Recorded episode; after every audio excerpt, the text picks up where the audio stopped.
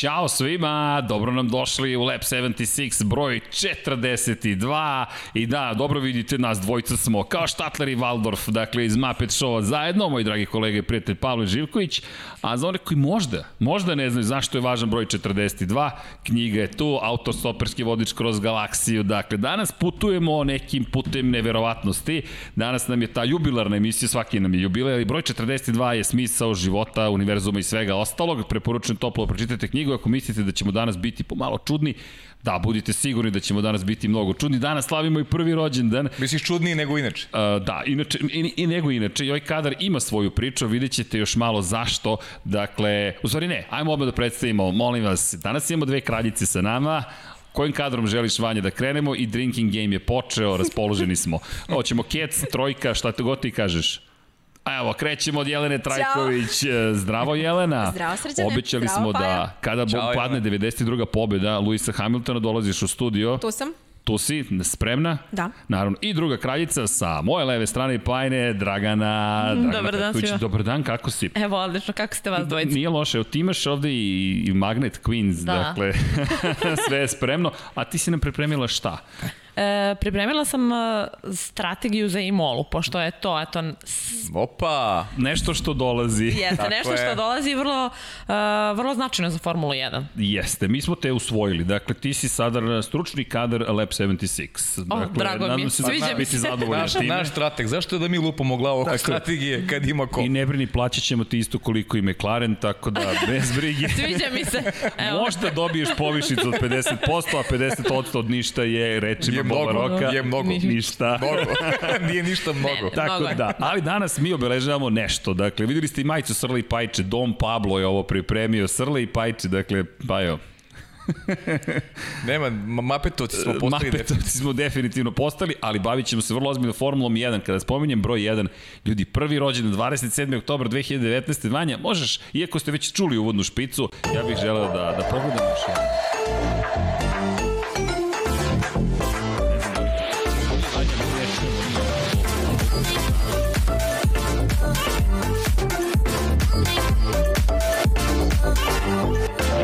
Ćao svima, dobrodošli u 76. krug Lap 76, emisiju posvećenu automotosportu.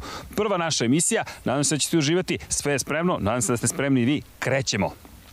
Okej, kako je to Naša prva emisija, jesen je u gradu, jesen je na celoj severnoj polulopti, jesen je i u Japanu. Sticam srećnih okolnosti, krećemo od velike nagrade Japana, ovoga puta u Moto Grand Prix. 16. runda svetskog prvenstva je završena, upravo pričat ćemo onome šta se tamo događalo, a naravno najavit ćemo i veliku nagradu Australije. Kao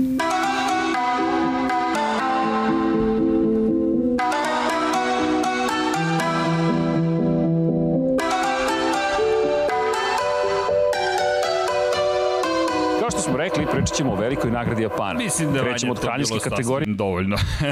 dakle, Ali to je, da ti kažem, ovo ćao svima sve bolje izgleda, znaš. Da, da. Izdržaj Izgleda to mikrofona. sve, sve je bolje, sve je nekako, nekako je prirodnije. lepše, prirodnije, da. Tečnije nekako. Jest, jest. Za one koji ovo slušaju, ne gledaju. Dakle, prikazali smo kadrove iz prve emisije. Ljudi, prođe 365 dana, ja bih posebno... 66. Še, izvinjam se, 66 prestupna godina, hvala na korekciji. Dakle, i ne rekao ja, ovde su došli da... Ništa, pa, Vanja, Pa mi smo višak rekli? danas ovde, Vanja, mi smo višak ovde. tako je. Ugasi nas. I, to bi bilo to što se tiče pa i mene, ali niste nas još oslobodili. Nekoliko tu bitnih stvari. Dakle, da, raspoloženi smo cijela godina. Nemojmo zaboraviti, tad je bio oktobar, da ponovimo oktobar, mesec borbe protiv raka dojke, nosit ćemo još u ovoj emisiji i sutra Deki i ja ćemo nositi ove majice. Podsjećamo vas, devojke, proverite se, prekontrolišite se na vreme, momci, podržite ih, pomozite im, dakle da ukoliko imaju nesigurnost, da znaju da ste uz njih, to je pre svega važno, a kontrola na vreme može zaista da dovede do toga da se izlečite ukoliko slučajno se desi da nije sve kako bismo svi želi, a to je pre svega da budete zdravi. Dakle, molim vas, poziv još jednom i mesec ne zaboravite svesti o Downovom sindromu, dakle, ponovit ćemo hiljaditi put i bit ćemo dosadni, ali uporni, ta deca su neverovatna, tako da ukoliko poznate nekoga koji ima dete sa Downovim sindromom, upoznajte se malo bolje sa porodicom, s tom decom, neverovatno su i svima nama treba podrška i pre svega malo ljubavi, tako da To je, to je univerzalna poruka. A i krenuli smo od ljubavi prošle godine, ali znate od čega smo krenuli? Ja hoću da pošaljem more ljubavi prema Žarku i prema Brđi, koju sam gnjavio, momci, ajmo da snimimo emisiju. Uzeli smo šta? Evo čime smo snimili emisiju. GoPro 1 smo doneli, imali smo ovaj Zoom H6 i mikrofon. A gde smo danas? Dakle, evo nas u studiju na kraju univerzuma. I kada smo na studiju na kraju univerzuma, Napredovalo O, ovo će jednog dana biti muzijski eksponati. Ja se nadam, iskreno. I bit će priče, tako je Srđan Erceg prvi put snimio. A čekaj, rekli smo Alzo Šprah Paja prošli da. Da. put, može. Alzo, ne, ne znam sad nemački, Srki snimio nešto zajedno sa Žarkom. Moramo i da napraviš onaj put, ovaj putopis iz Valencije koji je snimljen tako isto. Molim te. O, i, Molim dogovoreno. Evo dogovoreno. Dakle, ti znaš da je to sakriveno negde u arhivima. Kod mene. Kod tebe. Ok, eto, ne smo se do, zvezdice, Jesmo. dogovoreno. E, pazi, obezbedili smo žuti mikrofon za danas. Ja mislim da smo ispoštovali da maksimalno celu situaciju. Senina, zastavu, pozdini i tako dalje. Ali, Da li vi znate zašto je broj 42 bitan i izvinite ovom dugom uvodu pre nego što imamo Formula 1 zbog Douglas Adamsa i vodiča kroz galaksiju za autostopere u sred covid i svega što se dešavalo moj brat kaže ti si čudan, praviš studio na kraju univerzuma u celom ovom ludilu po, uslovu, po uzoru na restoran na kraju univerzuma ove knjige. I kada smo kod knjiga, drugari, Šta li je sad smislio? jedna za tebe, Jelena. Otvaramo odmah. Ako želite, jedna je za Pavla, srećan rođendan, Pajo, Hvala. zajednički Hvala. i jedna hvala. knjiga za tebe. Odmah? Pa tako mislim, je. treba da otvorimo. Oktobar je i mesec knjiga, nemojmo zaboraviti, tako da svi ste dobili da pročitate svoju Bibliju, dakle ne zamerite što je ista, dobili ste različite posvete, tako da znate, pa eto, Pogodio posvete. nadam se da jesam, da niste dobili čudne posvete, pa eto, malo ću vas javiti, da znate gde smo krenuli, svi zajedno u ovom studiju na kraju univerzuma. Hvala Da, ti. Ovo baš je bilo ovako neočekivano i, i, i, i lepo. Hvala ti. Fali nam samo torta. E, torta je preko puta zapravo u poslastičarnici, ali stiže, nisam stigao da im pošaljem na vreme 76, tako da će to sledeće nedelje biti Pablo, jel može ovo da stoji ovde ili da spustim Jel dobro? smemo? Ja sam spustila. Tako da znate. Ok, proslavi smo mi rođendan. Nismo još, ceo dan je. Tako je, Jelena. To volim, to je taj duh raspoloženja. I, ali da krenemo u, proslave. Završila se velika nagrada Portugalije. Ja mislim da ono bio zaista divan vikend za. Formulu 1. Kakva staza. Ljudi, od Dragana, ajmo, ti- ćeš, ti sad dolazi tvoj trenutak, 99 pode. Kako ti se dopala staza? Sjajna, sjajna. Na- e, Staza je stvarno baš trkačka. Ja sad razmišljam, stigle su mnogo lepe staze koje ni, nismo vozili do sad, pa sam u fazonu, "Hm, ajde izbacimo nešto što je relativno dosadno, pa da ubacimo ove nove, tipa Mugello, Portugal. Nadam se da će i Mola biti Da, nisi nam bila za Muđelo. Kako ti se dopao Muđelo? Top, sjajno, znači baš e, mislim uz malo više korekcije što se tiče i ljudstva oko staza i kako to treba da funkcioniše vezano za Formulu 1, to će biti sjajna trkačka staza i treba da je ostave u šampionatu. Da, Muđelo je obožavan, gledam Jelena, tebe značajno Samo da da, ne unište za MotoGP. Da, to, to postoji kao opasnost. Da. Uh, jel me pitaš sad za Mugello ili za... Za Muđelo, za Muđelo. Za Mugello uh, volila bih da ostane u kalendaru, samo što nisam sigurna da oni imaju financije za tako nešto. Isto kao što nisam sigurna ni za Portugal, ali opet nadam se ne, nečemu. Ako nam je nešto što se tiče ove sezone korona dobro donela, to je da smo došli na ove staze. Ako ćeš iskreno da ti kažem. Jer to što imamo po dve trke na istim stazama nam je donelo i nešto novo, na primjer za, i za Formulu i za e, MotoGP, ali to što smo sad otišli sa Formulom 1 e, u Portugal na takvu stazu, ja ne mogu da dočekam ove četiri nedelje da vidim kako će MotoGP izgledati na njoj, ali ono što mene još mnogo više raduje je Istanbul. Istanbul. O, Pavle, kakav je tebi bio vikend sad u Portugali? Ti si, sticam okolnosti, dva dana proveo sam. Da. Nismo bili ovako u Kako tandemu. bih ti rekao, in trkaške staze, out ove ulične. Eto, uživao sam u Portugalu. Ono je baš Ona bilo dva fenomenalno. treninga i, i, i trenizi i sve je bilo fenomenalno. Od starta se videlo da, da, da ima neki, neki poseban vibe tu i, i, i vozači, mislim prve reakcije Carlosa Sainca čim izašao na stazu i ostalih jasno govore Pa ne da, samo da njega, mislim, pa da, ali o- svi. on je prvi koji izašao na stazu. Da, on je, on je rekao Tokyo Drift, ljudi, ovde e, e, jeste, s druge jeste. strane letimo. To, Tokio, Jeste, Tokio Tokio Drift. Drift. I zaista, je- zaista je fenomenalno bilo. Malo su, i znaš šta, uvek, šta, šta volim generalno? Da vidim kako se vozači ponašaju na novoj teritoriji. To je super za videti. Jeste, to je Jer sjajno. to je, to, to stalno pričamo, to je, to je iz nekog menadžerskog ugla, ljudi koji to prate onako neutralno, koji žele da vide da li je, koliko je vozač talentovan, odabir krivina, odabir situacije u trci, to je nešto što, gde se prepoznaje talent vozača i to je ne, nešto što možemo da vidimo gledajući, kažem, gledajući te trke na nepoznatim teritorijama. Bez obzira što su manje više oni imali iskustva, ali to je davno bilo.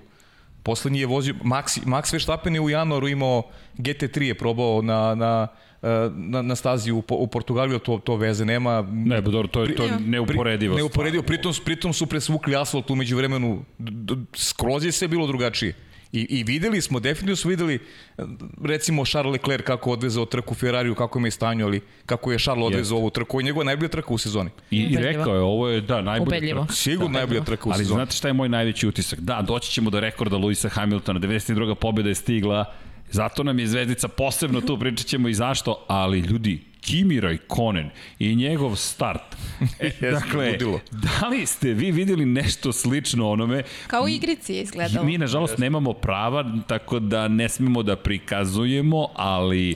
Ima na društvenim mrežama Formula je- 1 da se vidi Pa dobro, iz da. svih Fasci- uglova. Fascinantno je bilo. A pazite, vozi 324. trku čovek. Dakle, sada rekord isto još jedan pada i da. stalno će padati, verovatno slično Hamiltonu, ali moram priznati, taj kiv mi moment, i onda Max Verstappen koji je rekao, verovatno njegovo iskustvo iz relija je dovelo do toga da u, tim, u toj situaciji kiša pada, Slalom. staza je klizava, dovede do toga da on dođe do šestog mesta i da se Deset Max sa njim bori. Da. napreduje. da. I, I najbolje od svega Kimi koji je rekao, jednom trenutku sam pomislio šta rade ovi ljudi. Da, to je, to je najdivnija Da, da, izjava. njemu- njemu da, nije da, bilo jasno. Da, da, pa nije. mm, On je stvarno lepo iskoristio sredinu, sredinu staze, znači stvarno savršeno, ali time je pokazao zašto je veliki šampion i zašto uh, zna da, mislim, on je posmatrao druge vozače sa strane i skapirao da, da su se svi ono prepali klizavog terena na njih, da kažem, prva postava svi na mekim gumama i to je, on je bukvalno bio ono šta rade brovi ljudi. Čekaj da te pitam, ali meki gume uopšte nisu izgledale dobro. Doći ćemo i do guma koje se pripremaju za Imolu, ali meke, to je ono što je bilo veliko iznenađenje, u suštini su ispale lošije gume i u kvalifikacijama, sa izuzetkom tog starta trke gde su donekle pomogle, sve ostalo je bilo katastrofa za meke gume. I, pa ni vremenski uslovi nisu baš sjajni za ove meke gume. E, mnogo velika pot- potrošnja, opterećenje užasno, pogotovo na, e, u krivinama gde je kočenje na visokom nivou. Tu znači dolazi do, do, do raspadanja guma, bukvalno. Pogotovo unutrašnji deo pneumatika, znači do samog bolida. To, to, je, to je bilo stravično. I na kraju smo došli do toga da srednje tvrde gume budu te gume koje su mnogo bolje. Osim na samom početku trke gde su oni koji su bili na mekim imali blagu prednost, ali to se vrlo brzo istopilo. Pa čak i u kvalifikacijama su Mercedes i, i, i Bottas i Hamilton su u stvari najbolje vremena na, na srednje Srednje tvrde gume. Da. I to je bilo, to, to prvi put nešto gledam ove godine da su Ja ne pamtim. kraj pa- kvalifikacija srednje tvrde gume donose prednost u odnosu na meke. To se zaista nije događalo. Da, ja, ja ne pamtim da, da si prednost imao, čak su komentari bili i mi smo posmatrali zašto izlaze na srednje tvrdim gumama. Što Ferrari, što Mercedes. Jeste. Ajde, Mercedes još i možeš da računaš, ali Ferrari, kakav rizik preuzima Ferrari koji je u problemu, međutim ispostavilo se da Ferrari imao. Ferrari imao perfektnu strategiju, oni su, oni su istrali onome što je, što je njihovo opredelenje. I kada govorimo o Q2 delu kvalifikacija, Hamilton je bio ispod crte, bio je 11. ali su ga, gurali su ga do kraja na srednje tvrde gume, jer su videli da su srednje, oni su znali da su srednje tvrde, znači dobro predvideli da srednje tvrde donose prednost, do duše Vettel nije na tom nivou očigledno, ja verujem da ni bolide nisu na isto nivou, ali dobro, to je sad već neka druga priča. A Zanimljiva onda, tema, izvini Da. ako mogu da ti, da ti Može, uskočim naravno. samo kratko. Iako je Sebastian Vettel rekao, ljudi, šta god ja da učinim, Charles Leclerc je na višem nivou, ali je isto tako rekao, bolje bi bilo da više ne pričamo o tome zašto postoji A- tako velika A razlika naravno, između nas. ja mislim da, da, da svi koji pratimo to toliko dugo, jasno nam je da bolide nisu isti, tu nema, ne, ja, ja nemam dilemu uopšte oko toga. To je, to je nemoguće da je Leclerc ima toliko prenos u odnosu na, u odnosu na Matija Sebastian Binotto je Vettel. rekao, možda su vaše očekivanja, možda bi trebalo više da se očekuje od vozača broj 2. Sad, šta god je hteo time da kaže, Binotto i dalje stoji pri tome da se bolidi ne razlikuju, ali jedva čekam da ode u Aston Martin Sebastian Vettel da čujemo je. Šta ima da kaže o ovom periodu u Ferrari. Tako Mislim je. da čekamo i one poslednje dve trke, možda će da se raspriča kao vozači Haasa odjednom kada napuštaju. Pa kad, i to je Kad moguće. Ali, da ali, da, ali, šta je? zanimljivo. Tako da mislim da ćemo već tamo od Bahreina i od Abu Dhabija videti malo drugačijeg Sebastijana Vetela. Moguće, ali znaš šta je poenta? O, stalno kudimo Ferrari. Oni su odradili zaista sjajan posao.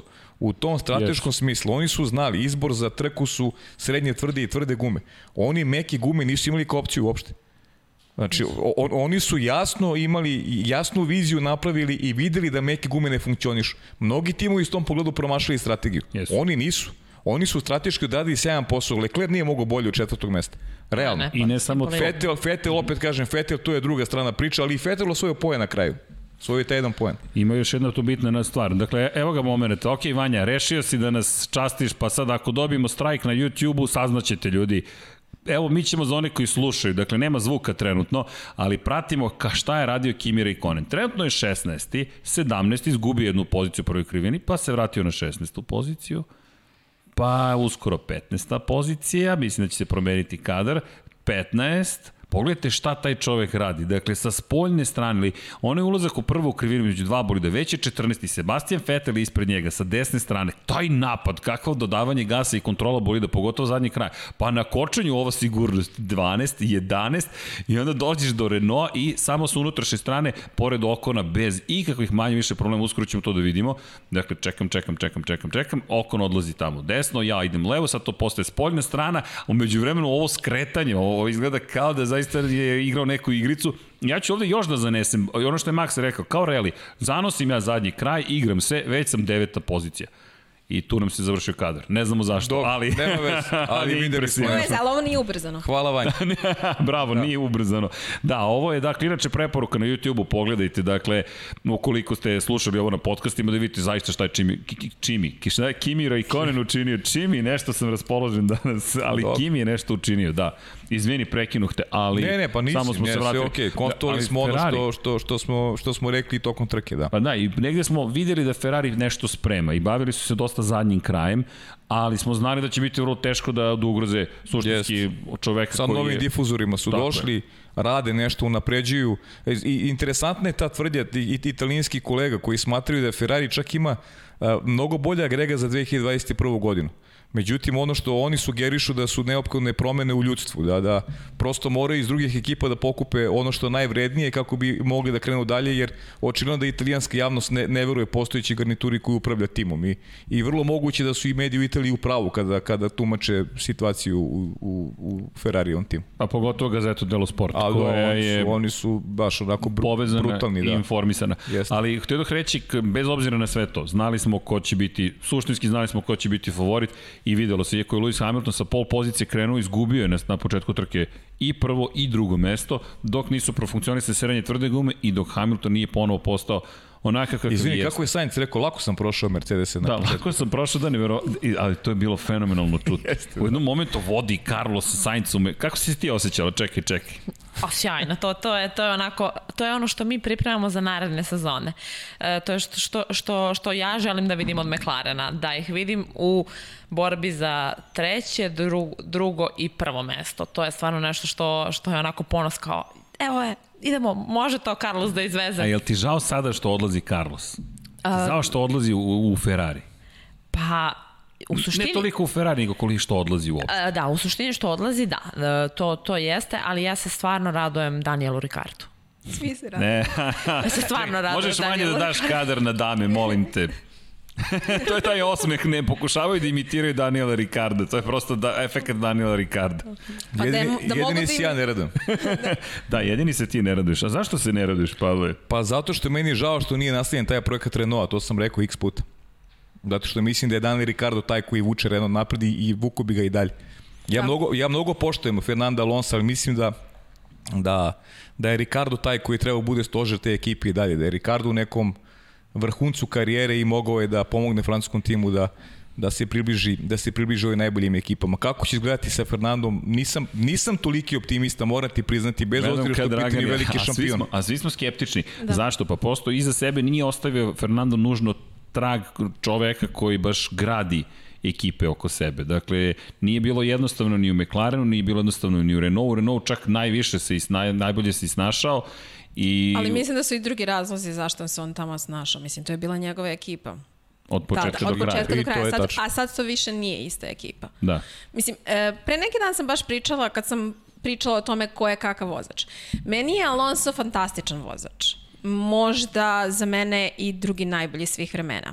Ali ja imam problem sa Fernandom Alonsom u tome što um, neke stvari ne možeš da kažeš javno, neke stvari moraš da sačekaš da se završi trka i da se rasprave u četiri zida i da onda nađete rešenje. To njegovo kukanje tokom te dve, tri sezone u McLarenu, kada je konstantno zanovetao tokom trka, treninga i svega ostalog, tako ne treba da se ponaša. Mislim, stvarno. To je ono, kada je neko trebalo da mu kaže stani, pričat ćemo kad se završi trka, kao što smo mnogo puta čuli ove sezone od raznih timova, stani.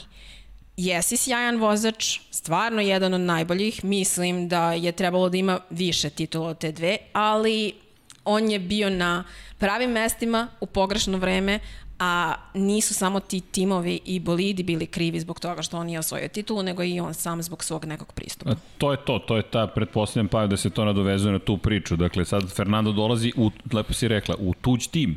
Zapravo ovo bi trebalo da postane Ricardov tim, odjednom dolazi Alonso, veliko ime, zvučno ime, ali koji dolazi mi preko 30 godina, mi preko 30 godina sa sobom imamo kofere uvek iz životno iskustvo dolazi sa nama, ali ne samo iskustvo, dolazi i naša prošlost. Sa Alonsom dolazi prošlost koju svi mnogo dobro poznaju.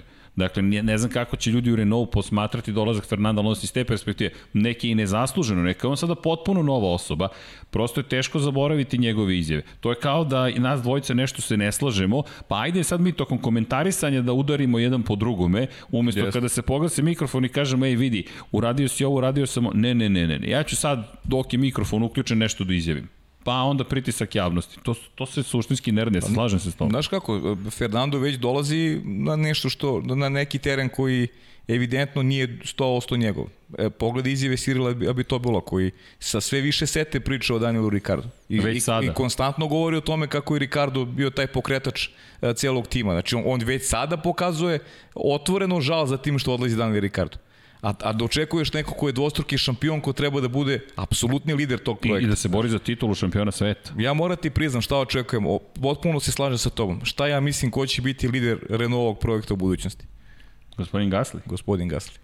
Gospodin Pierre Gasly. I tu se potpuno slažem sa tobom i mislim da će se to nužno i dogoditi i da će, da će Pierre Gasly, ali sad u kom će stanju biti Renault do tada, to je nešto ne, može, ne možemo da predvidimo, ali sam gotovo siguran da će Pierre Gasly biti taj koji će preuzeti, da kažem, kontrolu pod znacima navoda, u stvari imati podršku francuskog tima u nekom budućem periodu. Ljudi, došli smo i do Gaslija, do, doći ćemo do Hamiltona, gledam te, dakle, Hamilton je prosto veći je trenutno, to je tako velika tema, mnogo je važna, zato, zato zaista mislim da ćemo s jednom posebnom pažnjom posvetiti se tome, ali hajde da iskoristimo razgovor nekako krenuo svojim tokom. Gasly, gde će biti uopšte sledeće godine? Najnovije informacije iz Alfa Red. Bulla su... Da. Sad, sad odjednom se spomenje Yuki Tsunoda jo- ponovo i priča se o tome da ćemo da neće biti Gasly tu, nego će Albon da se vrati u Alfa Tauri, a da će Gasly sada da ide gde? Potpuno je... Malo je sapunica postala Sapunica, to u Red. Bullu. Bravo. Ne samo u Red Bullu. Ne znam, e, ono što mene, mene uzbuđuje pomisao, na primer, e, Nika Hulkenberga u Red Bullu. Ako mene pitaš, mislim da bi to bilo to. Jer bih voljela da vidim njega i Maxa u istom bolidu kako bi, kako bi jedan protiv drugog i mislim da Maxu ne bi bilo lako uopšte. E, Red Bull mora da traži vozača koji će biti bolji od Albona, a mora da traži i bolje, to jest boljeg vozača od Gaslije kada je bio u Red Bullu. Uh, Alfa Tauri jeste trenutno savršen tim za Gaslija, to je moje mišljenje, ali e, mislim da ga je opet i prerastao, a da Red Bull nije pravo mesto za njega. Slažem se, potpuno slažem. Pa, e, znate na koji moment smo zaboravili? Šta smo dobili u, sada u Portugalu? Da je ponovo Max Verstappen pobedio za ceo krug timskog kolegu. To se dogodilo prošle godine u Austriji Jeste. i zbog toga je Pierre Gasly otišao. Sad je Alex Albon poražen za ceo krug od isto tog Maxa Verstappen. Znači, Max Verstappen, to je on izjava Jensona Buttona, on, on, on jede konkurenciju. Tako je. Ubija timske kolege. Da li bi, ja sam isto najbliži Jeste. toj teoriji Nika Hulkenberga kao neko ko je stabilan vozač, iskusan vozač, koji opet verujem da ne bi imao problem sa tom vrstom mega da bude e, u senci e, Maxa Verstappena, ali bi svojim vožnjama doprineo većoj stabilnosti ekipe.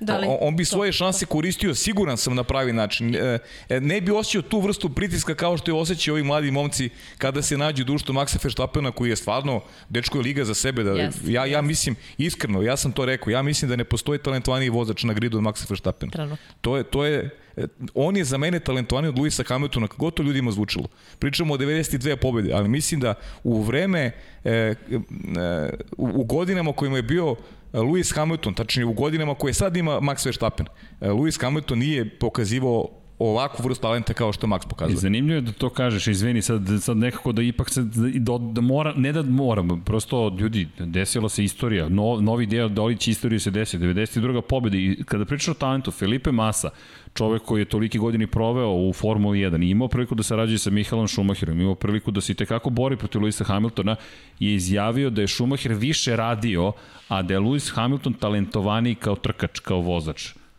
Vrlo zanimljiva je izjava da. i sada dolazi jedna nova generacija. Inače, Max je rekao da bih oborio rekord od 92 pobjede. Morat ću, da. bratu, da vozim do, Do 40. 40. godine. On će da bude kao Rossi. Ništa i mi ćemo do 40. morati da radimo ovaj podcast. Misliš njegove? Njegove 40. Na, Njegove. Na, na, naše. Misliš, misliš, ne, ne, ne razumem misliš da devojke. podcast traje Vanja, 40 godina? Vanja, to? ugasi im kamere, ne razumem ovo. Da nam podcast A, razumeo sam sada. Da. Misliš, radit ćemo podcast do Vanjine 40. godine. E, A, to, to. jasno, jasno. Sad sam razumeo malo bolje. Da. Šalo ja sam očekivala malo i duže. Ali čekaj, um, ok, sa, slažem se. Neko je poželeo 76 godina, eno ga, Dom Pablo je poželeo 76 godina za Lab 76 i nadam se da će biti tako, Daj pa i više. U, dokle ćemo da dogoramo, pa bit ćemo baš za Muppet Show. Biće baš mapetu. Ali Mogu vidi. samo nešto da kažem za Ne, Nika? ti sad moraš, a za, Za Nika, Nika, za ok. Nika. Aj, može, može. Ja ste za Luisa. Pa dobro, ali moramo Ali da, moram da se ostanem. E, mislim da niko, ono što je meni žao, tokom cele njegove karijere što nije dobio takvu priliku kako bi bio Red Bull sledeće godine, jer e, ni, e, 2008.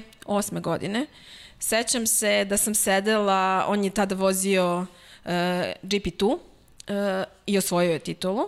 I, je li to bilo 2008. ili 2009. E, Nisam siguran. Mislim da je 2009, Možda osam. ali možda Mo- da. ne znam. Uh, 2009 je to bilo. Uh, uglavnom, uh, niko, niko je od jutra do večer bio na stazi. To je neverovatno koliko je on radio sa svojim timom u tom trenutku.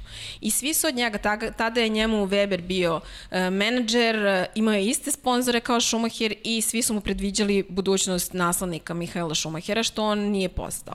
Ali sticajem nekih okolnosti on nikad nije dobio pravu priliku. Mislim, njegova karijera je takva da je vozio za neke srednje timove, za Force Indiju, za Zauber, za Williams i da nekako svaki put kada je dolazilo do tih produženja ugovora niko njega nije ozbiljno razmatrao u ovim uh, većim timovima. I sada da nije bilo toga da on uskoči da zameni Peresa ovako, da zameni Strola, Mislim da niko ne bi uopšte razmišljao o njemu kao nekom kandidatu za neki od ozbiljnih timova, ali on je tako, bukvalno seo je prvi put u bolid, do duše zna tim i mnogo mu je lakše da se prilagođava, ali to, sedim u Kelnu, pijem kafu u 11 sati, a u 2 sata sam u bolidu i vozim kvalifikacije i onda osvajem bodove dan kasnije. Na, na stazi kakva je Nürburgring. Mislim, Jeste. ne može svako. Vidi, Ne, može, naravno. Niko drug, mi, moje mišljenje je da mali broj vozača koji bi uskočili u takvu bolid bi mogli da završe trku. Ali znaš šta je meni sad tu zanimljivo? Dva, dva, dve stvari. Da, nikada nije imao sponsor. To je prva stvar. I Imao to... je sponzori na početku kad Pa mu je dobro, bilo onaj Deutsche fazi. Bank. Pa dobro, to je, to je imao rana faza. I Dekra mu je bila sponsor dok je bio u Renault, ali nikada nije bilo to Jasno. Schumacherova Dekra. Nije to bio Jasno. sponsor lični koji će te pratiti zauvek. Jeste. Dakle, Da. gde, se- gde se zna šta god da ti radio, ti ćeš nositi naš kačket. Pa to je ono To kao da znalo. kažemo, Jel se sećate? da. I, imao, Lauda. imao, imao i, Mil, i Niki Miloš. Pavlović imao sponzore. Pa da, imao ih je. to- je- to je ta priča. Pa moramo, da, Lamborghini super trofeo, Obavezno. kakav incident se desio srećom, Guzman je dobro, dakle to ono je tek bilo nevjerojatno, vozili su trku, ali, ali pričat ćemo, ali slažem se, imao si sponzore, ali to tako dobro zvuči, isti sponsor, pa... Jeste. Nije. Evo, Dragana isto odmahuje glavom. To nema to veze nije, sa- nema sa veze, realnošću. mislim, Da. Nije, nije, Zna nije. se kome ide Pa Tako da. Idu je. pare. Zna se, ko, ta, tako da nikad niko, ni, nije niko to imao, ali, na, ali šta tu nedostaje kod Nika? Niko opet kada su bili momenti za velike, za velike stvari, takođe nije došao do Jasno. ti. Nemojmo zaboraviti tu manu Nika Hulkenberga. Dakle, kada se otvori prilika nekako da dođeš do pobjedničkog postavljanja, on ne uspe u tome. Neki je i manjak sreće. Šta god. Pa da, ali, ali Nemačka je prva asocijacija. To je prva ja, ja, asocijacija. ja, ja nemam drugu. Ali vidi, znaš ko, znaš ko je meni? Ja ga poredim prvi sa Perezom. Perez je izvlačio iz tih nekih bolida čudnih i manje slabih momente na uličnim trkama da dođe do pobedničkog postolja. Neki i sreća, ali to je ono što mi je nedostalo. E sad, da li je Niko sazreo dovoljno? Ja se nadam da jeste. Zašto mislim da je Red Bull jedina ozbiljna šansa postala? Pa ako pogledamo kako se se tržište otvorilo, gde Ginter Steiner u Hasu konkretno priča o tome da su mu potrebni sponzorisani vozači. Mi dolazimo u situaciju da se postavljaju neka ozbiljna pitanja. Roman Grožan ima veliku podršku naftne industrije. Dakle, iza njega stoje lične veze, porodične veze u okviru totala. To nije dovoljno. I on je rekao, da, ja imam sponzore, ali to nije dovoljno. Da li može niko da računa da svoje mesto u Hasu onda ako pričamo o sponzorima? Ja, ja to ne vidim. Dakle, ne vidim da će on biti taj. Da li može u Alfa Romeo da bude bez sponzora? Pa mislim da se Ali, ali u Red. Bullu može bude bez E, to je sponzora. to. Zato ti kažem, Red To je to. Bullu, to je ono što Jelena priča i to govorimo već E, Red Bull je, čini mi se idealna sredina za njega. Čini mi, mislim i zbog ličnosti. On I Nemac je. Ali Da, ne, i on je a i idealan za, za, je. za Red Bull. Uh, zašto? Zato što mene Niko Hulkenberg jako podsjeća na Marka Webera. On je i sarađivao sa Mark Weberom, znači podsjeća uh, kao, da kažem, karakteristi, karakteristike vozača. Znači, on će da gurne Maxa Verstappena kao što je Mark Weber gurno Sebastijana Fetela. I to, to mogu da garantujem, to je 100%. Da, da, pa to je ono što smo pričali. Znači, imaće timskog kolegu koji će moći da ga izazove i da ga natera i tog Maksa koji je takav kakav je da bude još bolji. Bravo. Zato što I Maxu Albon- treba izazov. I Maxu zato što treba izazov. Albon Mislim, ja ne znam ni jednog jedinog vozača koji u ovom trenutku da je slobodan i da može da dođe u Red Bull i da će to da uradi. Jel će to da uradi neki od klinaca iz Formule 2? Apsolutno ne. Hoće li to da uradi Gasly, Albon, Kviat? Poješći. Ne. Poješći. Znači, vidimo, ove dve sezone su pokazatelj šta on radi. Hulkenberg ili Da Costa. To ja nemam, ja nemam treću opciju. Da, ali opet Red Bullu... Kosta da baš zanimljiv. Da Costa je zanimljiv, Red- zato što ga pamtimo dobro iz Grand Prix dvojke. Da, da, ja. da, to da, ali e, Formula 1, Red Bullu treba vozač koji će isto tako da pomogne timu da izazove ostale u borbi za, u konstru, među konstruktorima. Ti Jeste. sada imaš vozača koji, eto, kao što si pomenuo, jedan krug je iza. Polu vidljivi postao. Ali da. da. Dragane, znaš šta mi znaš šta sam mi podsjetila cela ova priča? Kakvo je tvoje viđenje? Pričamo o Marku Weberu. Ajde da se vratimo malo u bližu prošlost i pričamo o jednom drugom australijancu, Daniel Ricardo. Čekaj, opet osmeh na licu. Ali kako ti vidiš tu situaciju, ali zaista? Dakle, kada govorimo, Ricardo je bio u Red Bullu i ne da je naterao Verstappena, nego dugi, du, znao često da bude mnogo brži od Verstappena. Mnogo, je. da bude brži od Verstappena. Tako je, tako je. Uh, pa u suštini uh, Daniel Ricardo jeste odradio svoj, svoj deo posla u Red Bullu. A, pri, uz Daniela Ricarda svi smo primetili Maxa Verstappena, da se ne lažemo. Znači, njih, njihovi dueli mi smo primetili da je Max, što kaže Pavle, neko ko je talentovan, neko ko zna da se trka sa nekim ko ima možda mnogo više iskustva od njega u tom trenutku. E sad, Daniel prelazi u, u McLaren i svi su sumljičavi, Znači, ne postoji neko ko... Čak ja mislim da, da su i u timu sumljičavi šta će da se desi. Mm, ali Daniel će da donese McLarenu onu stabilnost koju je doneo Renault. Da. Znaš šta mislim da će se desiti? Da će prva godina biti turbulentna, ali da već sad to svi očekujemo. U kontekstu Naravno. toga da je potrebno vreme da se prilagodiš. Dakle, ti si sad već promenio jednu ekipu, pa bi trebalo brže da učiš neke stvari. Ali ti ideš iz jedne kulture u drugu kulturu. Dakle, došao si iz jednog Red Bulla, jednog sistema koji je vrlo jasno definisan, ima striktne procedure i pravila u Renault, koji deluje malo fluidnije, dakle, da su stvari još uvek poludefinisane, da su u razvoju I sad ideš u McLaren koji ima već trasiran put, dakle jasno, ali je takođe u procesu evolucije. I meni je to interesantno, pogotovo što dotaći ćemo se toga, McLaren mora da troši žetone da za razvoj svog bolida. Pitanje je da li će izgubiti korak i ne želim da u napredu pravdam bilo Landa Norrisa, bilo Daniela Ricarda, ali pitanje je da li će McLaren moći da napravi korak koji, koji bismo inače od njih očekivali. Jer Mercedes koji je stao sa razvojem bolida neće stati, Lewis Hamilton, iako čekamo potpis ugovora, neće stati. Dakle, Renault Neće stati, neće stati Ferrari, neće stati Red Bull i ti sad dolaziš do McLarena koji će imati malo težu situaciju. Ja očekujem zato 2022. Da. Ricardo da dođe do Jeste, ali mislim da, da najteže situacije je upravo u Red Bullu i to je ono odlazak će Honda biti i s Red Bullom? Šta će biti s Red Bullom i zbog toga smo malo i posvetili temu i priču oko Nika Hulkenberga šta je njihov, šta je njihov prioritet. E, Znamo da ne žele da budu u podređenom položaju, ne žele da budu samo učesnici u, u saobraćaju.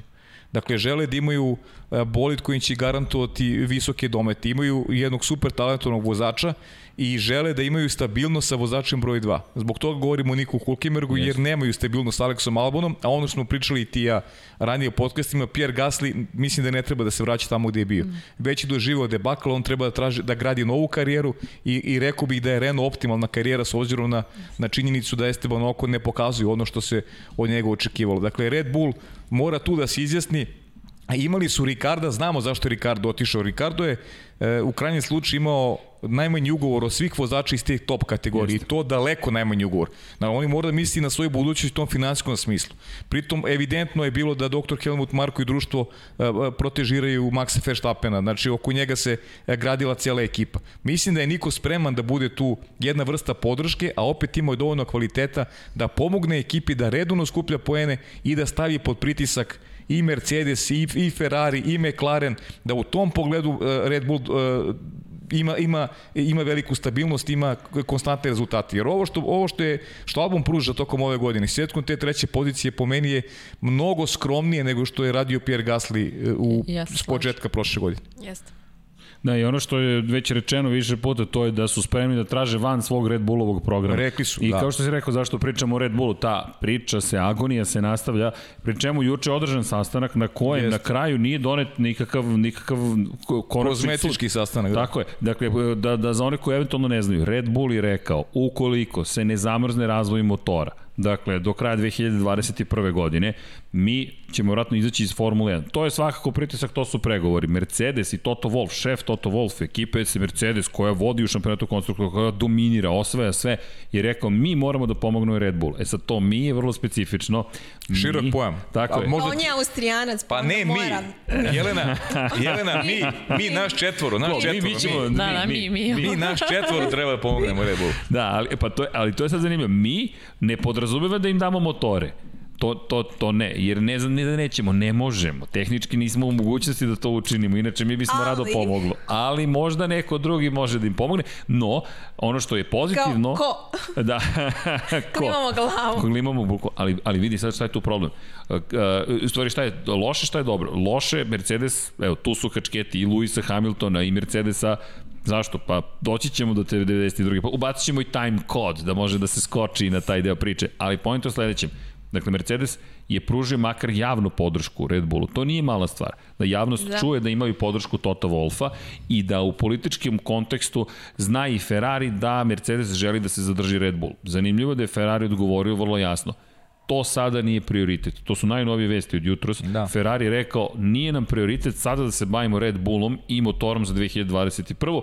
Sada je mnogo važnije da se bavimo motorima koji će biti na programu od 2026. Blago njima.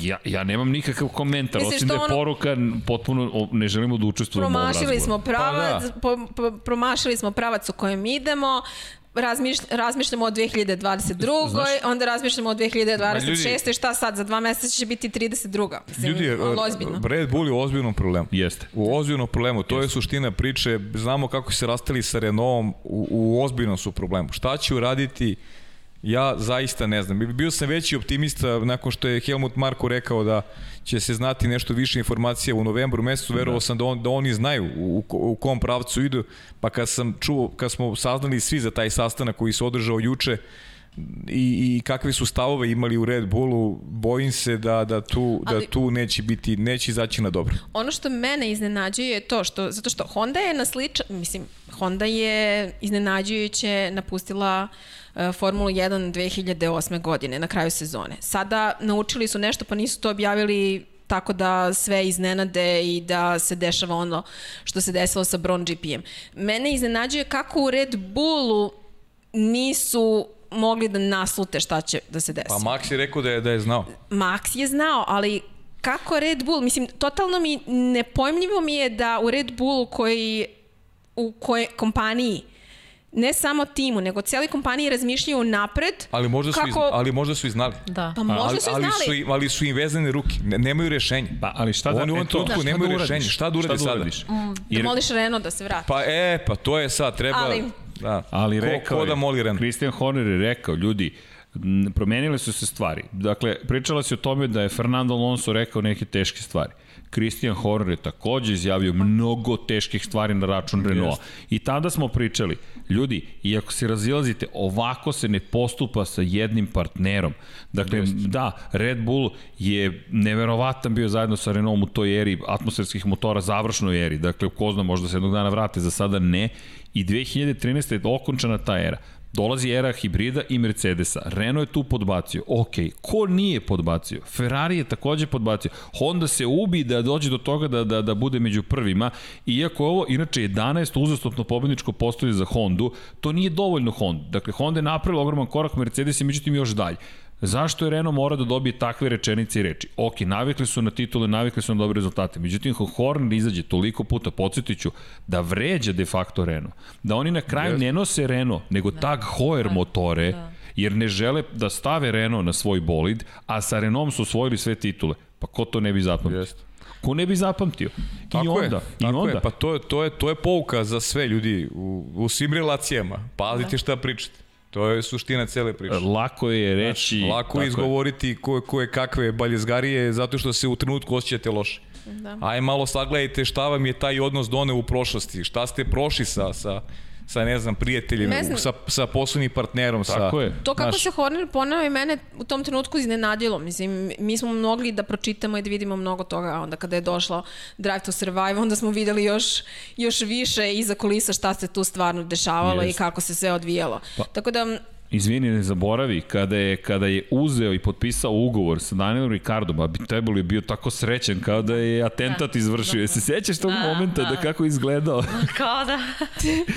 Jeste bilo sjajno. Da, kao završavamo sve, mi smo ceo posao završili. A Horner koji mu se nasmejao, I ne, jednom drugom su govorili da imaš vozača, ali nemaš motore. To, to, zapravo Horner mu je to rekao, imaš vozača, ali nemaš motor. Renault sada ima motor.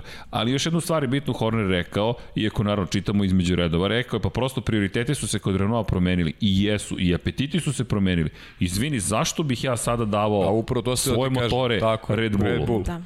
Da me Nema pobedi? razloga, ali nemaju, nemaju razloga. Ne, nemaš razloga. Pre su imali. I dođeš do toga da je Horner rekao, jedina opcija koja nama ostaje da otkupimo intelektualnu svojinu Honda, Toto Wolff je rekao da možda veruju u ono što je Honda već pripremila. Ne zaboravimo da to, ljudi, to projektovanje ne traje Koliko, Ja, a- izvini, si spremala strategiju? Pazi, Pa, pošto Imolu ovaj, nismo radili, to jest nije se vozila od 2006. Radili smo je dva meseca. Dva a meseca pazi se ovo, spremaš za nešto. kada pričamo o Renaultu, a, zašto bi Renault, Renault imao obavezu neku prema Red Bullu ako to nemaju Mercedes i Ferrari? Ne, nema, apsolutno. Pa jedino zašto po bi neko, pravilniku. Zašto bi neko pritiskao Renault? Pa dobro, po pravilniku, Moraš da im daš. Dobro, Ali što okej. bih im dao više od onoga Pa- što je osnovni minimum? da, tako je. Ne moram da im dam je. više od toga. Ne moram da Ili- budem partner. Ili zašto, zašto ne bi Renault bio partner Alfa Tauriju, recimo samo od, od, od Pa, neki, ne, od 2022. Na primjer, ali šta, šta je sad tu stvar? Renault će vjerojatno biti nateran na kraju, ali zamisli tu saradnju Red Bull koji želi da bude šampionski tim, ima motore koje je neko natera od tog proizvođača da mu da. Kako će to da izgleda? Na, na šta to liči? Užas. Užas, bukvalno. I onda dođemo do toga da Red Bull hoće da otkupi Hondu, gde je Wolf rekao možda oni vide nešto, zato sam mi htio da kažemo o planiranju. To ljudi se planira zaista mnogo unapred. Dakle, već sada se radi na onome što će biti 2022. Evo, Ferrari navodno za 2026. 2026. Da. A oni ne, ne planiraju ni Mada da je rekao završe ovu. Helmut sezonu. Marko, možda će, možda će u, u, u toj nekoj među pauzi, u stvari u neku, neku među vremenu, da sami proizvode ovaj svoje agregate. Ferrari se možda sprema da u, da upari malog Raikonena i malog Schumachera, znaš, pa zato onda gledaju 2000, posle 2020 Da, da, neke. okej. Znaš, tako da gledaju mnogo i u je- budućnost, što da. im je ono... Dobro, ali to... Projekat ka ali znaš koja je meni tu poruka, izvini Ferrari? Poruka Zanimate je ne zanimate nas. Pobedit ćemo vas, a ako sad možemo da vas dotučemo, dotući ćemo vas, bukvalno. Ili ne samo to, koje koncesije će da da Red Bull? Najveći ulog koji Red Bull ima je da kaže mi izlazimo iz, iz svega ovoga. Što je udarac ne, ne, nesnosnih razmera. To je udarac da. akademije cele gubimo. Yes. Gubimo dva tima, gubimo ogromnog sponzora, gubimo tako veliku podršku, jednu nevjerojatnu priču, ali takođe ne treba zaboraviti, ne bi bilo prvi put u istoriji Formule 1 da se tako nešto Pa dobro, desi. ne bismo izgubili dva tima, izgubili, izgubili bismo Red Bull. Mislim, malo... Da, ali Alfa Tauri, se, snašao snašao bi bi, se jedni neko bi drugi. Alfa Tauri je dobra ekipa, Alfa Tauri Pa je, i- je mama za drugi, Alfa Tauri bi neko pomogao, ali Red Bull, Red, odlazak Red Bulla, to je ono što si rekao, akademija vozača, Sve e, zajedno. cela priča koju, koju grade već nazad 10 godina, oni su neophodni Formuli 1. Vidi. Ali naći pravo rešenje u ovom momentu, mislim da, da je zaista teško izvoditi. A Toto Wolff kupi Red Bull eto. E, a to sam treba ti kažem, čak i da neko kupi Red Bull, mada da, dobro, da, Toto Wolf. Dakle, mi, Pa mislim- u Aston Martinu sam, u Mercedesu sam, u Red Bullu Zato ti sam. kažem. Još plus su Ok, ovo su Sedište- teške teme, ovo su te... sedište. Napravili smo Tota Wolfa Bauku. Najvećeg menadžera svih vremena. E, ali vidi. Pa, ali, ajde, ajde da to bude daleko. jedan od šlagvorta. Nije daleko. 92. Pa ja se ne slažem, rekao sam, ali dobro. Ja Da, se ne ti slažem si uopšte. više za ja, Rosa Brona. Ja sam za Rosa Brona, meni je Toto Wolff samo nasledio nešto je drugo, što je drugi Dobro, napravio. to jeste. On je Tako da- naučio od Rosa Brona. Samo naučio i nasledio i bio dovoljno pametan da to, da to uh, onako nasledi i da, u stvari, bio je dovoljno pametan da se ne pravi pametan. E, tako bih ovako najbolje ovaj, opisao Toto Ali vidi, ali i to je veliki posao. Nije sporno Jeste. ništa. I to je veliki Nije posao. sporno. Često ljudi znaju da urade nešto, da, da žele previše da se dokažu i pokažu Tako i rade je, stvari koje se. potrebne da bi se uspeh dogodio ili nastavio da se događa. I tim je neverovatno organizovan. Taj, taj, ta, to srce ekipe polako se međutim osipa i Andy Cowell je poslednja ta karika s početka godine smo to pričali, ali ljudi, 92. pobedu zabeležio Lewis Hamilton. Dakle, 71 pobeda Lewisa Hamiltona i Mercedesa zajedno. Prisustvovali smo istoriji. Zašto tek sada dolazimo do te istorije? Pa već četiri nedelje, ma nije, šest nedelja najavljujemo tu istoriju, pa nikako da se desi. Najavljujemo Već smo počeli da se šalimo kako smo najavili uskoro će da padne rekord, on nikako da padne. Evo pao je i obećali smo. Jelena, ti si imala priliku da intervjuišeš Luisa Hamiltona. Vanja, možeš, molim te, ne samo da se hidriramo. Kakve su ovo uspomene? Čekaj, ti si razgovaraš s čovekom koji će uskoro biti sedmostruki svetski šampion. I za ovim stolom sedi jedna dama. Opa, Dom Pablo je bio preuzeo inicijativu. Nisam primetio da se zamenili tamo za stolom. Dakle, Dom Pablo. Ali koji je ovo trenutak? Gde si ti ovo? A, to je Hungaroring, ali mislim da postoji jedna bolja slika. Vanja, E, možeš... E, ovo, ovo je posle njegove prve pobede u Mercedesu. To je, to je posle prve pobede. Da, Prva posle pobeda prve se pobede. desila Hungaroring 2013. godine. i to je još uvek nije hibridna era. Da. To su atmosferski motori, Niko Rosberg i Kaži mi, imaš još ovaj šešir, kažem. E, da, ima ga i srđan. Opa, ima ga i srđan. Mislim, imamo iste šešire, nije jedan da ga delimo. Dobro, dobro, dobro. Odakle ti taj šešir? Čekaj, E, Srđan- odakle nam taj Muđelu- šešir? kad smo bili u Muđelu, um, malo je bilo vruće, pa mi je srđan poznamio dok je on u kabini da ne izgorim baš. A, bravo, A bravo. onda sam, pošto mi se mnogo svida, onda sam morala i sama sebi da ga kupim. A, ja sam vidio neke minđuši vrlo zanimljive tamo. ako da, da, da. U našim bojama, pa jo. Da, da, pa mislim, naš omiljeni boj. Flamingos iz Čilea. Jeste, to su flamingos iz Čilea. Sad, Pio mi je i neko za ovim stolom. A, bravo, bravo. da, i Lewis Hamilton, čekaj, šta to jede tamo Lewis Hamilton? To je dok nije postao vegan. Da, da, to je si mu kupila gumene bombone, ili Da, tako? Happy Cherries. To, mu je bilo, to su mu bile omiljene gumene bombone. Nikog ne reklamiramo, ali to je živa istina. Da. Da. I ovo je razgovor kada je tek pala ta prva od 71 pobjede. Da. I kakav je utisak? Ajde, vraćamo se kroz istoriju malo. Znaš šta, e, ja sam imala priliku da razgovaram sa Hamiltonom još 2007. Ja nisam bila toliko impresionirana njim kada je došao. Bio je fantastičan u GP2, ali e, nekako te prve sezone njegove u McLarenu sam razmišljala ko si ti da sad se tako ponašaš prema čoveku koji je dvostruki svetski šampion i da ga tako izazivaš i da tražiš da bude prvi vozač i sve ostalo.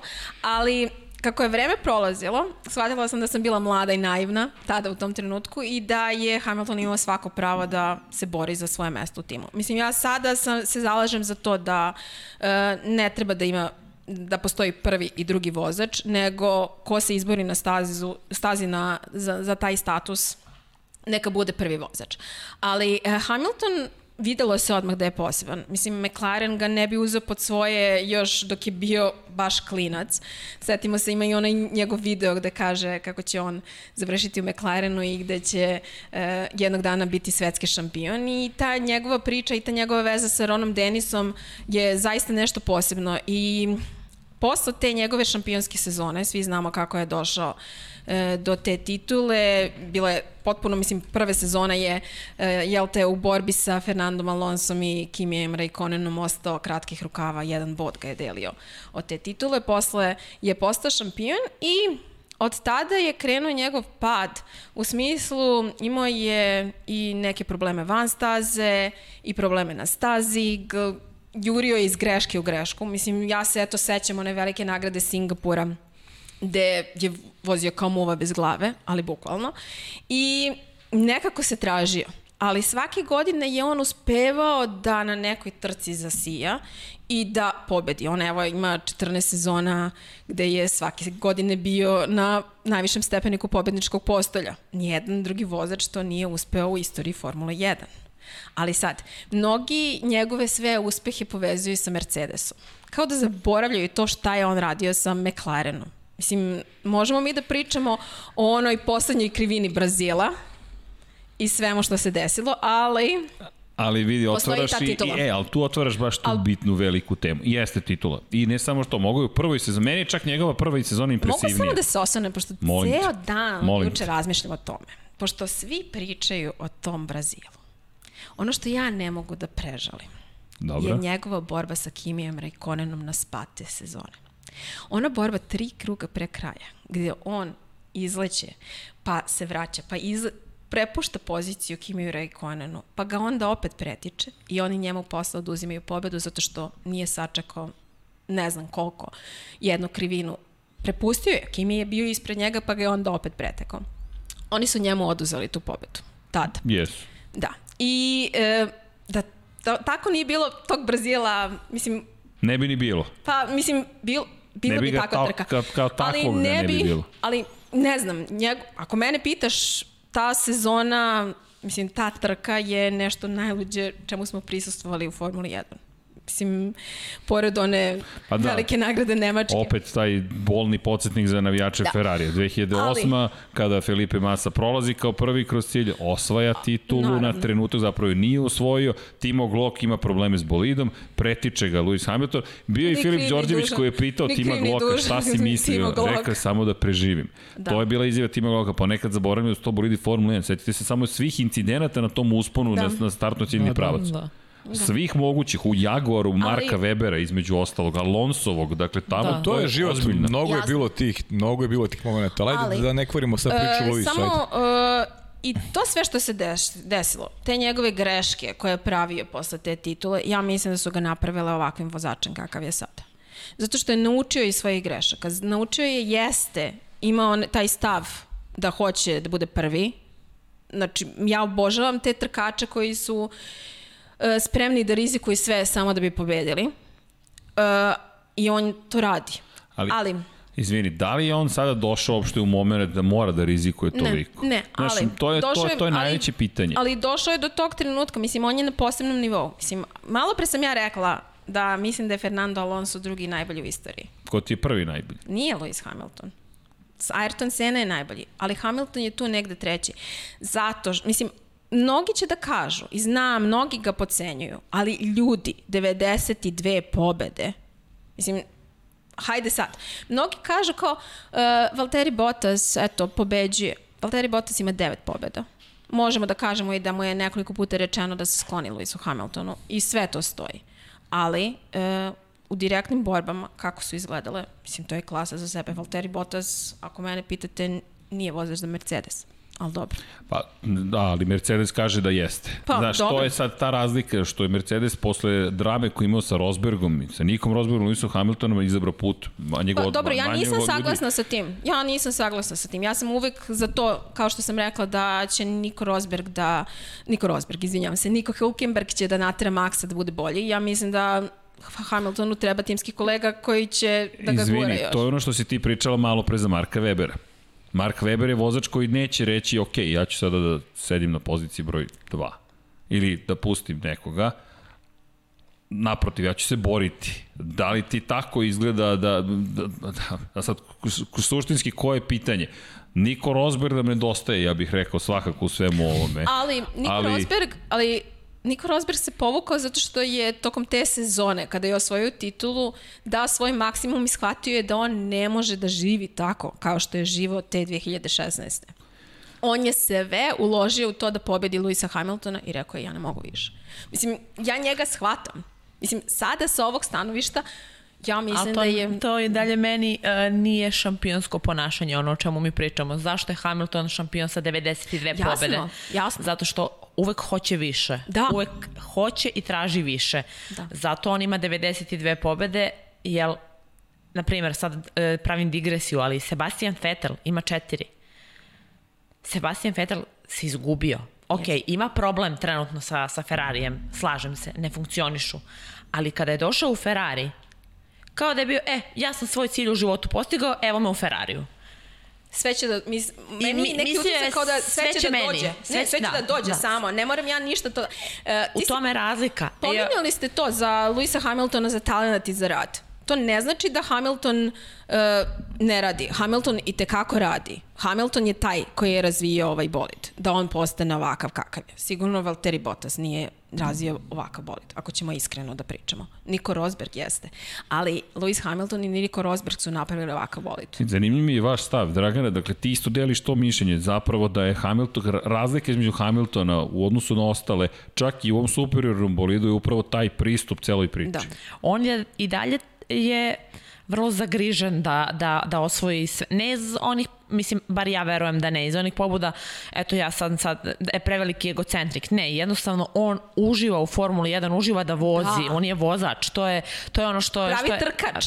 što je poenta. I Rosberg jeste osvojio titulu i ja se slažem, ok, sve to bilo sjajno, bajno, a, ali Rosberg je neko ko je i za tu jednu titulu poprilično iskukao Da. neke stvari.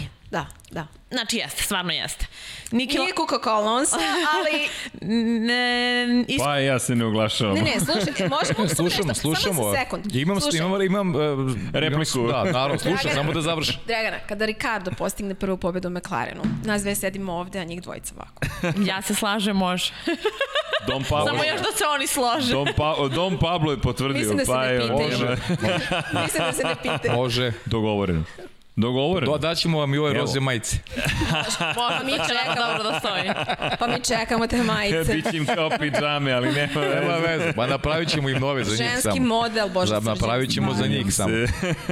Idemo Dogo- same da bitimo. Jesmo se dogovorili? Jesmo. Sve da, sve okej. Čekaj, Okay. dogovor Dogovoreno. je pao Jelena, dakle pao je Evo ga. dogovor, pao je, molim te, dakle pao je dogovor. Dakle, vas dve vodite studio, vodite Lab 76, nas dvojica odgovaramo Mi na pitanja. statiramo u kukuruzu. Statira- Mi možemo da namigujemo jedan drugom. A, da, baš šta, u nije kadru. problem. Ma nije problem. Onako dosta pričamo. Pa, i si primetio da smo malo smanjili? Jesmo, pa slušamo, tu Stvarno su nam dame. tako- tako Tu su nam dame. Tako su nam izgleda dame, da. Jelena, kad smanjimo. Da, pa malo moramo. Ne, ne. Mislim, okej. Dobro, ali mi je zanimljivo, zato što... Da, Jeste zanimljivo. Znam i Jelenin stav, tvoj, baš sam htio da te pitam i super mi je što zapravo uh, iznosiš sama na taj način. Dakle, zaista me zanima, jer ti posmatraš to, kako te ja dobro razumem, ko je trkač u celoj priči. Lewis Hamilton. Da.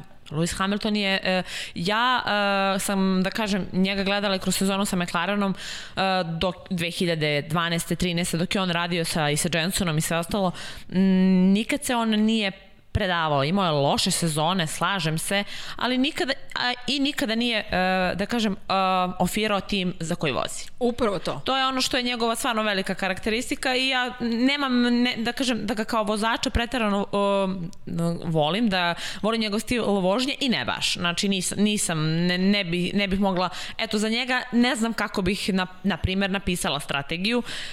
Zanimljivo, šta ti je kod njegove, ko, kod, u njegovoj vožnji toliko, to ti se ne dopada? Um, ta, baš ta preterana agresivnost, ok, ja se slažem, trebaš da budeš agresivan, trebaš da napadaš, treba, ali negde post, mora da postoji ona granica šta možeš i koje su trenutno tvoje, tvoji kapaciteti, pogotovo u ranih sezona kad, kad mu i nije baš išlo, pa kad je vozio, ko što bi Jeca rekla, ko muva bez glave, trebao si da sačekaš da pitaš tim i da, da odradiš onako kako su ti rekli, jer on zna da donese odluku na svoju ruku. Da. I kad ne bi trebalo. To jeste, ali opet e, kod mene mislim, kod mene, e, meni se sviđa to Hamiltonovo uh, poštovanje svega što tim radi. Zato što svaki put kada pobedi, nikad nije ja sam pobedio. Nikad nije. Mislim, Formula jeste Formula 1 jeste individualni sport, ali postoji gomila ljudi iza njega. I on svaki put govori mi gubimo i pobeđujemo kao tim. Ima trenutaka kada se žali šta je ovo, zašto, zašto ste ovo radili. Mislim, imao je ove sezone priliku da kuka i mnogo više nego što je radio zbog greški tima šta su uradili. Ali Hamilton je nekako meni nije dozvolio napravio je taj, sada i se ispostavilo genijalni potez i prešao u Mercedes iz McLarena. Tada, kada je to objavljeno, malo ko je mislio da, mislim, imamo i dokaze na društvenim mrežama šta su svi pričali o tome. Kao, od, odlazi u Mercedes iz McLarena. Smem ja? Da, možeš. Smem ja. Ja znam šta je ovde neko pričao. Dakle, ja znam koje priče, imamo dokaze u snimcima sa sport kluba. Jedina osoba, ja sam bio skeptik, ne skeptik. Češ ti da pregledaš tu arhivu, ajde? I, bo, pa da nađemo, hoću to moramo. vrlo rado. Pazi, to moramo. E, to moramo da nađemo. Kad je rekao ne, to je sjajan potez. Videćeš, Mercedes je ušao ozbiljno Ali jeste formu. sjajan potez bio tada, zato što je Mercedes nastao na onome što je bio Bron GP. Znači, Okej, vraćamo se na Rosa Brona. Ross Brown je ostavio neko, da kažem, nasledđe i rekao, izvolite i napravite od ovoga ono što je najbolje. E, Od kad ja gledam Formulu 1, najbolji menadžer u Formuli 1 je Ross Brown. Ja Čovjek koji je slažem. pravio najbolje stvari u Formuli 1 i Toto Wolff je samo nasledio to što je radio Ross Brown. Znači imaš Rossa Brona, imaš ekipu koju koju uzdiže Mihael Schumacher, veliki šampion, u saradnji sa Nikom Rosbergom, jedna sve nemačka ekipa u tom trenutku i ti vidiš, ti i ja gledamo, Jeca koja prati, e, naravno Dragana, koja je tada i mi nismo smo znali, tada je nismo nismo znali, radili zajedno, ali smo da. Ali ti vidiš I ti jedan, o, jedan napredak ozbiljno u ekipi konstantan. I onda Lewis Hamilton koji bira to, a opet se vraćamo Nika Hulkenberga, čovek koji u tom periodu figurira opet kao kandidat, pa mu se ne poklapaju kockice Tako kao je. mnogo puta u životu. Lewis Hamilton je zagrizao tu jabuku i imamo epilog svega. I iskreno, ja mislim da, da da je i pomenemo još neko drugi, da, tu. da je neko drugi još zagrizao tu jabuku da bi došlo do, do, do isto ovog epiloga. E, e sad, to, dve stvari, samo pre nego što nastavimo. Ja to Vanja, smatram, da bi došlo do istog epiloga i da je neko drugi zagrizao ovu jabuku. To, to, je, to, je, to je sad to ključno pitanje. E, ali Vanja, ako možemo iskoristimo, ovde je Mercedes, dakle ovde je Mercedes, Ross Brown. Ako možeš da daš Jelenin kadar, molim te. Iza nje je Benetton Ford B194. To je Mihael Schumacher, to je Ross Brown. Ako možeš da daš Draganin kadar, ovo je novi poklon, pa je doneo za, za studio. Dakle, studio na kraju veze bogatiji za skuderija Ferrari, Ross Brown je i tu. Dakle, ljudi, Ross Brown je svugde, Jesam. svugde, sve prisutna osoba, gde je sada vodi Formulu 1. Pa, nema dalje, što se tiče Tako je, sporta. ali, ali pogledaj gde, gde je on. Ima još jedna samo osoba koju ja znam da je sve to ta, na sličan način radi, to je Adrian Newey. Jedina osoba koja je išla iz, iz Leighton House-a, bili drugi u Japanu, malo nisu pobedili, otišla osoba u Williams, osvojili titul, mada već formiran tim, otišla osoba u McLaren koji je posrnuo u tom trenutku, vratio ga na vrh i onda otišao u Red Bull i jedno, jedno energetsko piće pretvorio u dominantnu silu Formule 1. To, to, samo te dve osobe je da ja znam, a to, to su iz, ozbiljni izuzeci. Tako da Ross Brown, da, poz, apsolutno. I sad to pitanje, da li bi da je neko drugi došao, meni je ovo super što je Dragana rekla, dakle Sebastian Vettel kao da je došao i rekao, ok, to sad meni sleduje da Pa budem nije, ali, ali, ali sređene, Sebastian To. Vettel u Mercedesu nije imao to što imao Lewis Ham, u, u Ferrariju, Ferrariju, da. nije imao to što imao Lewis Hamilton u Mercedesu, to ono smo pričali, nije, im, nije imao tim okupljen oko sebe. Nimo Rosa Brona. Pa nije imao Rosa Brona, nije imao jasnu... Uh, Ferrari je stalno negde lutao, Ferrari je loše vođen, Ferrari... I dalje je. e, f- I dalje je. Vettel je očekivao da bude... Vettel je zaslužio da ekipa bude okupljena oko njega. Vettel je zaslužio kao četvorostruki šampion da ima tretman koji ima Mihael Schumacher, ali prosto Ferrari nije imao ljude. To ono što sada pišu italijanski mediji. E, Da oni veruju da Ferrari ima i sada dobar agregat za 2021. ali nema ljude koji će da ga vode. I da je Ali to je suština cele problem, celog problema. E, zato kažem, za mene je najveća zvezda posljednje dekade u Formuli 1 Mercedes. Nije zvezda ni jedan vozač, Zvezda je E, Mercedes. ali to je, da li smo tu nepravedni prema sagla- Luisu ja Hamiltonu? nisam saglasna E, sa ne time znam da smo da je- nepravedni, ne znam da smo nepravedni, ja Jasno, samo jasno. tako Ja ne, smatram. mislim, ja Da. ne mislim da bi e, da bi neki drugi vozač na njegovom mestu ostvari, ostvario to- to- to 71 pobedu u ovih, nek, u ovih, za ovih nekoliko sezona. Šta, šta ti misliš, Dragana, izvini? Ja, ja mislim da da, ali ne, ne svi. Postoji jedna grupa vozača Pa ne svi, naravno. Ne, pos, da, postoji jedna grupa vozača koja da je otišla u Mercedes, a sa sličnim karakteristikama kao Lewis Hamilton što se tiče vožnje i tih nekih, mislim da da. da. Mislim Alonso? Da, Alonso. Alonso. Da li bi Vettel u Mercedesu ostvario ne, to? Ne. Mislim da bi jedini možda mogao da priđe Alonso. Jedini. Ali to je pitanje da neko kao, kao što je kukao. E, u a, ja baš mislim da bi Vettel sigurno to napravio u Mercedesu. I Vettel, Nemački vozač u nemačkoj ekipi Toto sa tim statusom Toto- tada Toto Wolff bi siguran sam da bi da napravio. Ma 100%. Sigurno, sigurno. 100%. Toto Wolff bi znao da ga mislim, postavi. ali mi zaboravljamo još jednu osobu što se tiče Mercedesa. Mi zaboravljamo, mi nismo pomenuli i Nikija Laudu koliko je i njegov uticaj Pa, u svemu tome bio. Jeste, to je nesumnjivo, Ross. Brown je postavio to i stvarno sam mišljenja, kao što je Dragana to već rekla, oni su imali od koga da nauče. Mislim, nije Toto Wolff neki sad veliki mag, veličin, man, on nije ni trećina Rosa Brona i onoga što je postigao. Ali e, imali smo i Schumachera, koji je u jednoj sličnoj dominaciji došao do tog rekorda. Schumacher posle u Mercedesu nije bio ni približno uspešan kao što je bio u Ferrariju i Benettonu. I imali smo istog toga, eto šta je nekoga ko je zajednička stvar, to je Ross Braun. I za jednog i za drugog, ali ne znam, moj, moje mišljenje je da je Hamilton apsolutno zaslužio da, da ostavi, da postavi ovaj novi rekord i iskreno mi je izuzetno drago što on više nije uh, vlasništvo Mihaela Šumahera. Misliš iz perspektive istorije Iz ili konkretno u poređenju Schumacher sa U bilo kim poređenju drugim? Šumahera sa bilo kim drugim. Možda će sad biti kontroverzno, ali e, Hamilton, Lewis Ham, glavna razlika između Luisa Hamiltona i Mihaela Šumahera je u tome što je e, Hamilton znatno bolji u fair playu od Schumachera bio tokom karijere.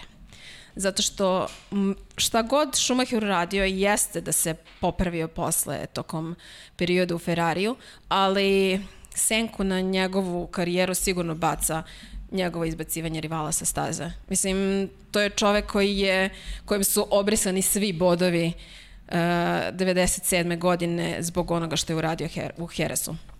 Tako da svaka njemu čast na svim njegovim uspesima, došao je do te 91. pobede sasvim zasluženo, ali iz te perspektive meni je drago što je Hamilton novi rekorder.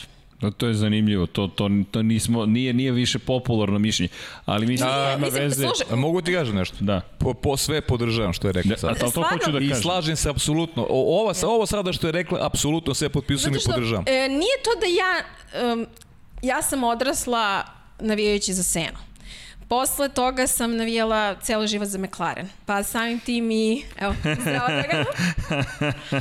Zbog toga ćemo nas dve da vodimo ovaj studio kada Ricardo Da, dođe do naravno, pobjede. kada, okej. Ovaj, e, I zbog toga... Jel se tetoviramo samo da Ne, pitam? Ne, ne, dobro. ne, ne. Ja ne znam, ja, to meni zavisi od Maxa Feštapena. Muke. I to Pavlo treba, je priznao se, ipak bolja opcija da mi Pavlo kaže šta da istetoviram nego, nego da pojedem onu šolju koju više i nema na stolu. A Vanja nam je ukinuo, pa ne, ne, ukinuo je tu šolju. ukinuo je Pa, pa šolju, Vanja je moj čovek, on misli na moje zdravlje. I uvek sam, I? navijala sam za Miko Hakinena protiv Schumachera i njihove borbe su bile stvarno sjajne. Dobro. A, ali sve to kako se Schumacher ponašao u određenom delu svoje karijere je moralo nekako da baci senku na sve to što je postigao. Zato što ja stvarno ne znam, mislim, nemamo nigde primer toga da je neko kažnjen na taj način. Njemu su ostale sve pobede, sve po, svi podijumi te godine, ali svi bodovi su izbrisani za samo tu sezonu. A svi znamo kakva je bila to sezona. To je bila 97. kad se borio za titulu sa Žakom Vilnevom. Tako da, Vidi, malo pre sam hteo da, da, da, da, da kažem jednu bitnu stvar, a to je, to je sada nepopularno mišljenje. Znaš šta je, l- e, e, mnogi se libe da to govore zbog stanja u kome se Schumacher sam već godinama da unazad kažem. nalazi. Jednostavno, Ali to, ali to je to je Ali to- istorijska činjenica. Pazi, Samo da to je kažem, nešto ne da može da se ima tu još neki momenata koji majde nije sad tema je tema je Lewis Naravno. Hamilton i i, Ali- i pazi nije ni nije ni zaporediti sada svaka generacija, to je ono što smo pričali, svaka generacija ima, ima neke svoje junake. I sada pričamo ko je bolji od koga, Ne, ne, to ne, je ali nije to to. deplasirano. Ja ali ovo, ovo je, ovo, je- ovo je istina. E, ovo što Ovo je Jelena priča, meni super tema, jer to, tome nismo diskutovali. E, samo da kažem nešto. Znači, ja sam e, napravila izbor, e, svoj izbor najboljih pobjeda Luisa Hamiltona koji je objavljen na sajtu Sport kluba. Čekaj, pre nego što kreneš, sekund. Dakle, samo da se vratim, izvini, otimam vam temu ovu, jer se Jasno. otvorile važnu temu. Ne, ne, htela sam da se osvrnem samo za ovo što je pa, Paja rekao. Ja ne želim da poredim to kakav je, da li je Jackie Stewart bolji vozač od Luisa Hamiltona i ostalo. Ne želim time da se bavim, zato što mi nikad nećemo dobiti odgovor na to. Niko od njih se nije našao u istom vre, trenutku e, na Nemoguće je stazi. porediti. Nemoguće. Druge ere, druga I, tehnologija, I drugi ljudi. predivno je to što svaka epoha ima svoje heroje. Jeste. Predivno je. Svaka čast Schumacheru. Meni je strašno to što se njemu desilo. Mislim, strašno. Ja, ono, bukvalno kada pomislim na to, svaki put se naježim. Iako, ja nikad nisam navijala za njega. Meni je strašno. On je za mene uvek bio ono ljuti rival. I strašno je to. I ja stvarno se nadam da ćemo mi jednog trenutka i opet videti njega negde u javnosti ili da će se oglasiti ili šta god.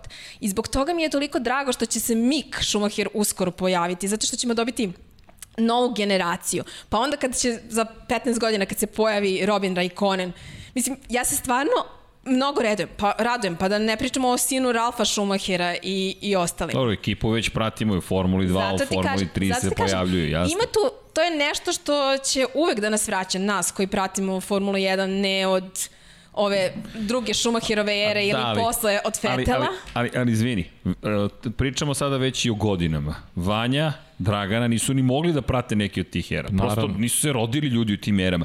Potpuno je nepoznato za njih. Inače, po, e, hvala nekome, prokomentarisaju da smo ti i ja suviše mladi da bismo pamtili Ayrtona Senu. Pa jeste. Hvala vam, ali... ali smo gledali Hvala smo snimke. Snimke smo gledali, pa zato smo... Meni tata pušta snimke, inače, inače nikad nisam... Ja ne protiv Mihajla Šumahera u suštini, ali dobro. Jedva nekako Pa kroz izmaglicu pa, neku pa mladosti. ću. Znači, Ali- 76 godina još ima mnogo. Ima koliko Znaš hoćeš. gde smo mi. Suviše smo mladi, Ali jeste. dobro, da, već, vas već ti preuzeti onako Lab 76, tako da je sve okej. Ali, ali htedoh reći, dakle, drugačije, ne možeš, ne, ne, ne, nemoguće da mi razumemo šta je učinio Juan Manuel Fangio. Nemoguće da razumemo na taj način J.K. Neka Stewarta. pogledaju film Nemoguće. na Netflixu Juan- Manuel Fangio. to je predivno, ali, ali opet, Fan- ali, ali je. nismo živjeli u momentu. Ne, ali, ali treba to, oni ko že, koji žele da se samo upoznaju, ovo mi je prilika da, Pa, da ga predložim. To, pa to Slažem je se. ona priča, šta smo govorili ono u studiju, šta je i Sir Sterling Moss uradio 58. Da. u Portugalu. Tako je. Kada, je, kada se bunio za odluku, čo, čo, kažnjen mu je čovjek najveći rival, on je traži da mu se vrate poeni. Znači, to je nešto i nezamislivo sada. bez E, I ostao bez se to- titule, to je to je neverovatno. Danas, za, možda zamisliš uh, Lewis Hamilton koji protestuje zbog toga što je Vettel kažnjen. To je nemo, nemoguće. Apsolutno. To ne postoji više kao znaš, pojam. znaš gde se još, još postoji kao mogućnost? U svetskom šampionatu u motociklizmu. Šta se desilo, ako me sećam dobro služi, pre 10 godina ostaje ključni rival Nikola Saterola, ostaje bez šasije. Stradala je šasija u treningu. Jorge Martinez za spar, vlasnik ekipe, uzima rezervnu šasiju koju su imali, ekipa nema i tim gura šasiju, dakle ceo ram, celu šasiju motociklističku vozi kod druge ekipe da im da, da, mogu, da njihov čovek može da izađe da se trka. To, Da. e, to je da se naježiš. I to je Jeste. zašto obožavamo sport i te koncepte i te ideje. To je to. Zašto sam, na primjer, pričao o, ne znam, da neću sad u Moto Grand Prix previše, Petrući, Dovicioci, Tedos. To ćeš sutra. Za ajde, ne mene, tako je, da, ali pazi, ali pazi, postoji sportski moment. Postoji sportski moment, to je ono što ne piše u pravilniku. Tu ljudi smo pre svega, nego samo izviri pokušavam. Ajde. Vidi, ne mogu dođem do reči, dakle, ovo je, ovo je nemoguće, ovo je, ovo je rekao Sam si sam, tražio. pogon neverovatnoće smo upa, upalili, dakle, da ja ne mogu dođem do reči. Ne, ne, čini se ove dakle, knjige, wow. knjige, knjige su čudo. Znači, nisi mogu da reći ništa bolje, poklonio si nam knjige. To najbolji mogući poklon. Da. Hvala. slažem se. Hvala. Hvala ti. Vidi, ali to je to, to je ta knjiga. I sad samo nadam se da ću uspeti da, da, da, da, Ajmo da do kažem- suštine dođemo, Suštine. Vidi ovo. Govoriš upravo onome što jeste nepopularno. Zašto? Pavle, rekao si. Zato što sada pričati o Šumahiru na taj način je gotovo zabranjeno. Da, zato što je ličnu tragediju doživio kako niko ne zaslužuje ali to je deo istorije, ti si 100% u pravu. Schumacher od početka, bilo je jedno pitanje u komentarima, smo ostavili linkove, zašto je kontroverzan Michael Schumacher? Michael Schumacher je u Makau 1991. Manje više u zid poslao Miku Hakinena. To je njegov prvi incident u duelu za titulu. Za titulu jeste da je to neka vrsta kup takmičenja, jedna trka, ali velika nagrada Makaa je mnogo važan trenutak za mlade vozače bio.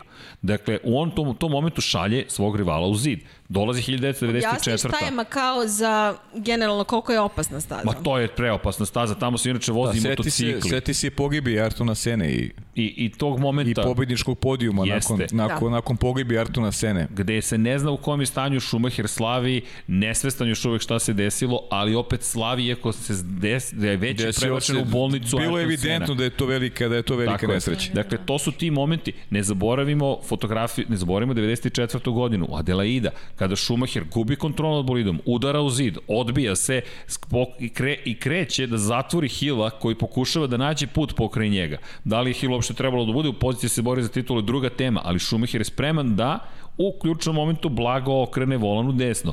Dolazimo do 1997. godine protiv Žaka Vilneva, kraj sezone, velika nagrada Evrope u Herezu, čuveni napad gde Schumacher direktno skreće i dovodi do ovoga što si rekla. Evo imamo ovde za Moto Grand Prix, imamo i za Formulu 1 knjige istorijske u kojima u šampionatu, lepo si rekla, na poziciji broj 2 nije Mihael Schumacher, iako je drugi bio u šampionatu. Nikad se nije desilo da vozač bude obrisan. Zaista se nije desilo. Pa seti se, se setimo se momenta kada nije baš ni želeo da bude podrška Eddie Irvinu koji se bori za šampionsku titulu kada je on imao prelom noge u Japanu gde je slavio baš mu, baš mu nije, tako je, baš mu nije bilo stalo da, da, da Ali, pomogne slaviš... Ediju Irvinu, da bude Edi Irvin prvi šampion za Ferrari posle Jodija Šektara. Nije mu baš bilo stalo. Da, ali slaviš titulu svog najvećeg rivala u tom trenutku. Da. A, I uhvatili su ga mediji kako kolega. slavi, bukvalno su slavili. Jest, jest to, to, su, to su sve, to se možda se nađe, da se Izmi, proveri ja, Razumem se, svaka, zato mi je zanimljiva ova tema koju su otvorili. Svaka čast na svemu što je postigao. Apsolutno nije, nije je zaslužio. Pa to je, Apsolutno je zaslužio. Znači, Lewis Hamilton i on su statistički najbolja dvojica svih pa, vremena. Pa obojca su zaslužili. Da, obojca su zaslužili. Su. Sad kako ih mi, kako mi to doživljavamo, kako svi koji prate Formula 1 to doživljavaju, to je samo stvar lične percepcije. ljudi, ništa a, više. Ajmo da budemo jasni, da je Lewis Hamilton zabeležio 192 pobede do dana današnjeg. 190, 392 pobede.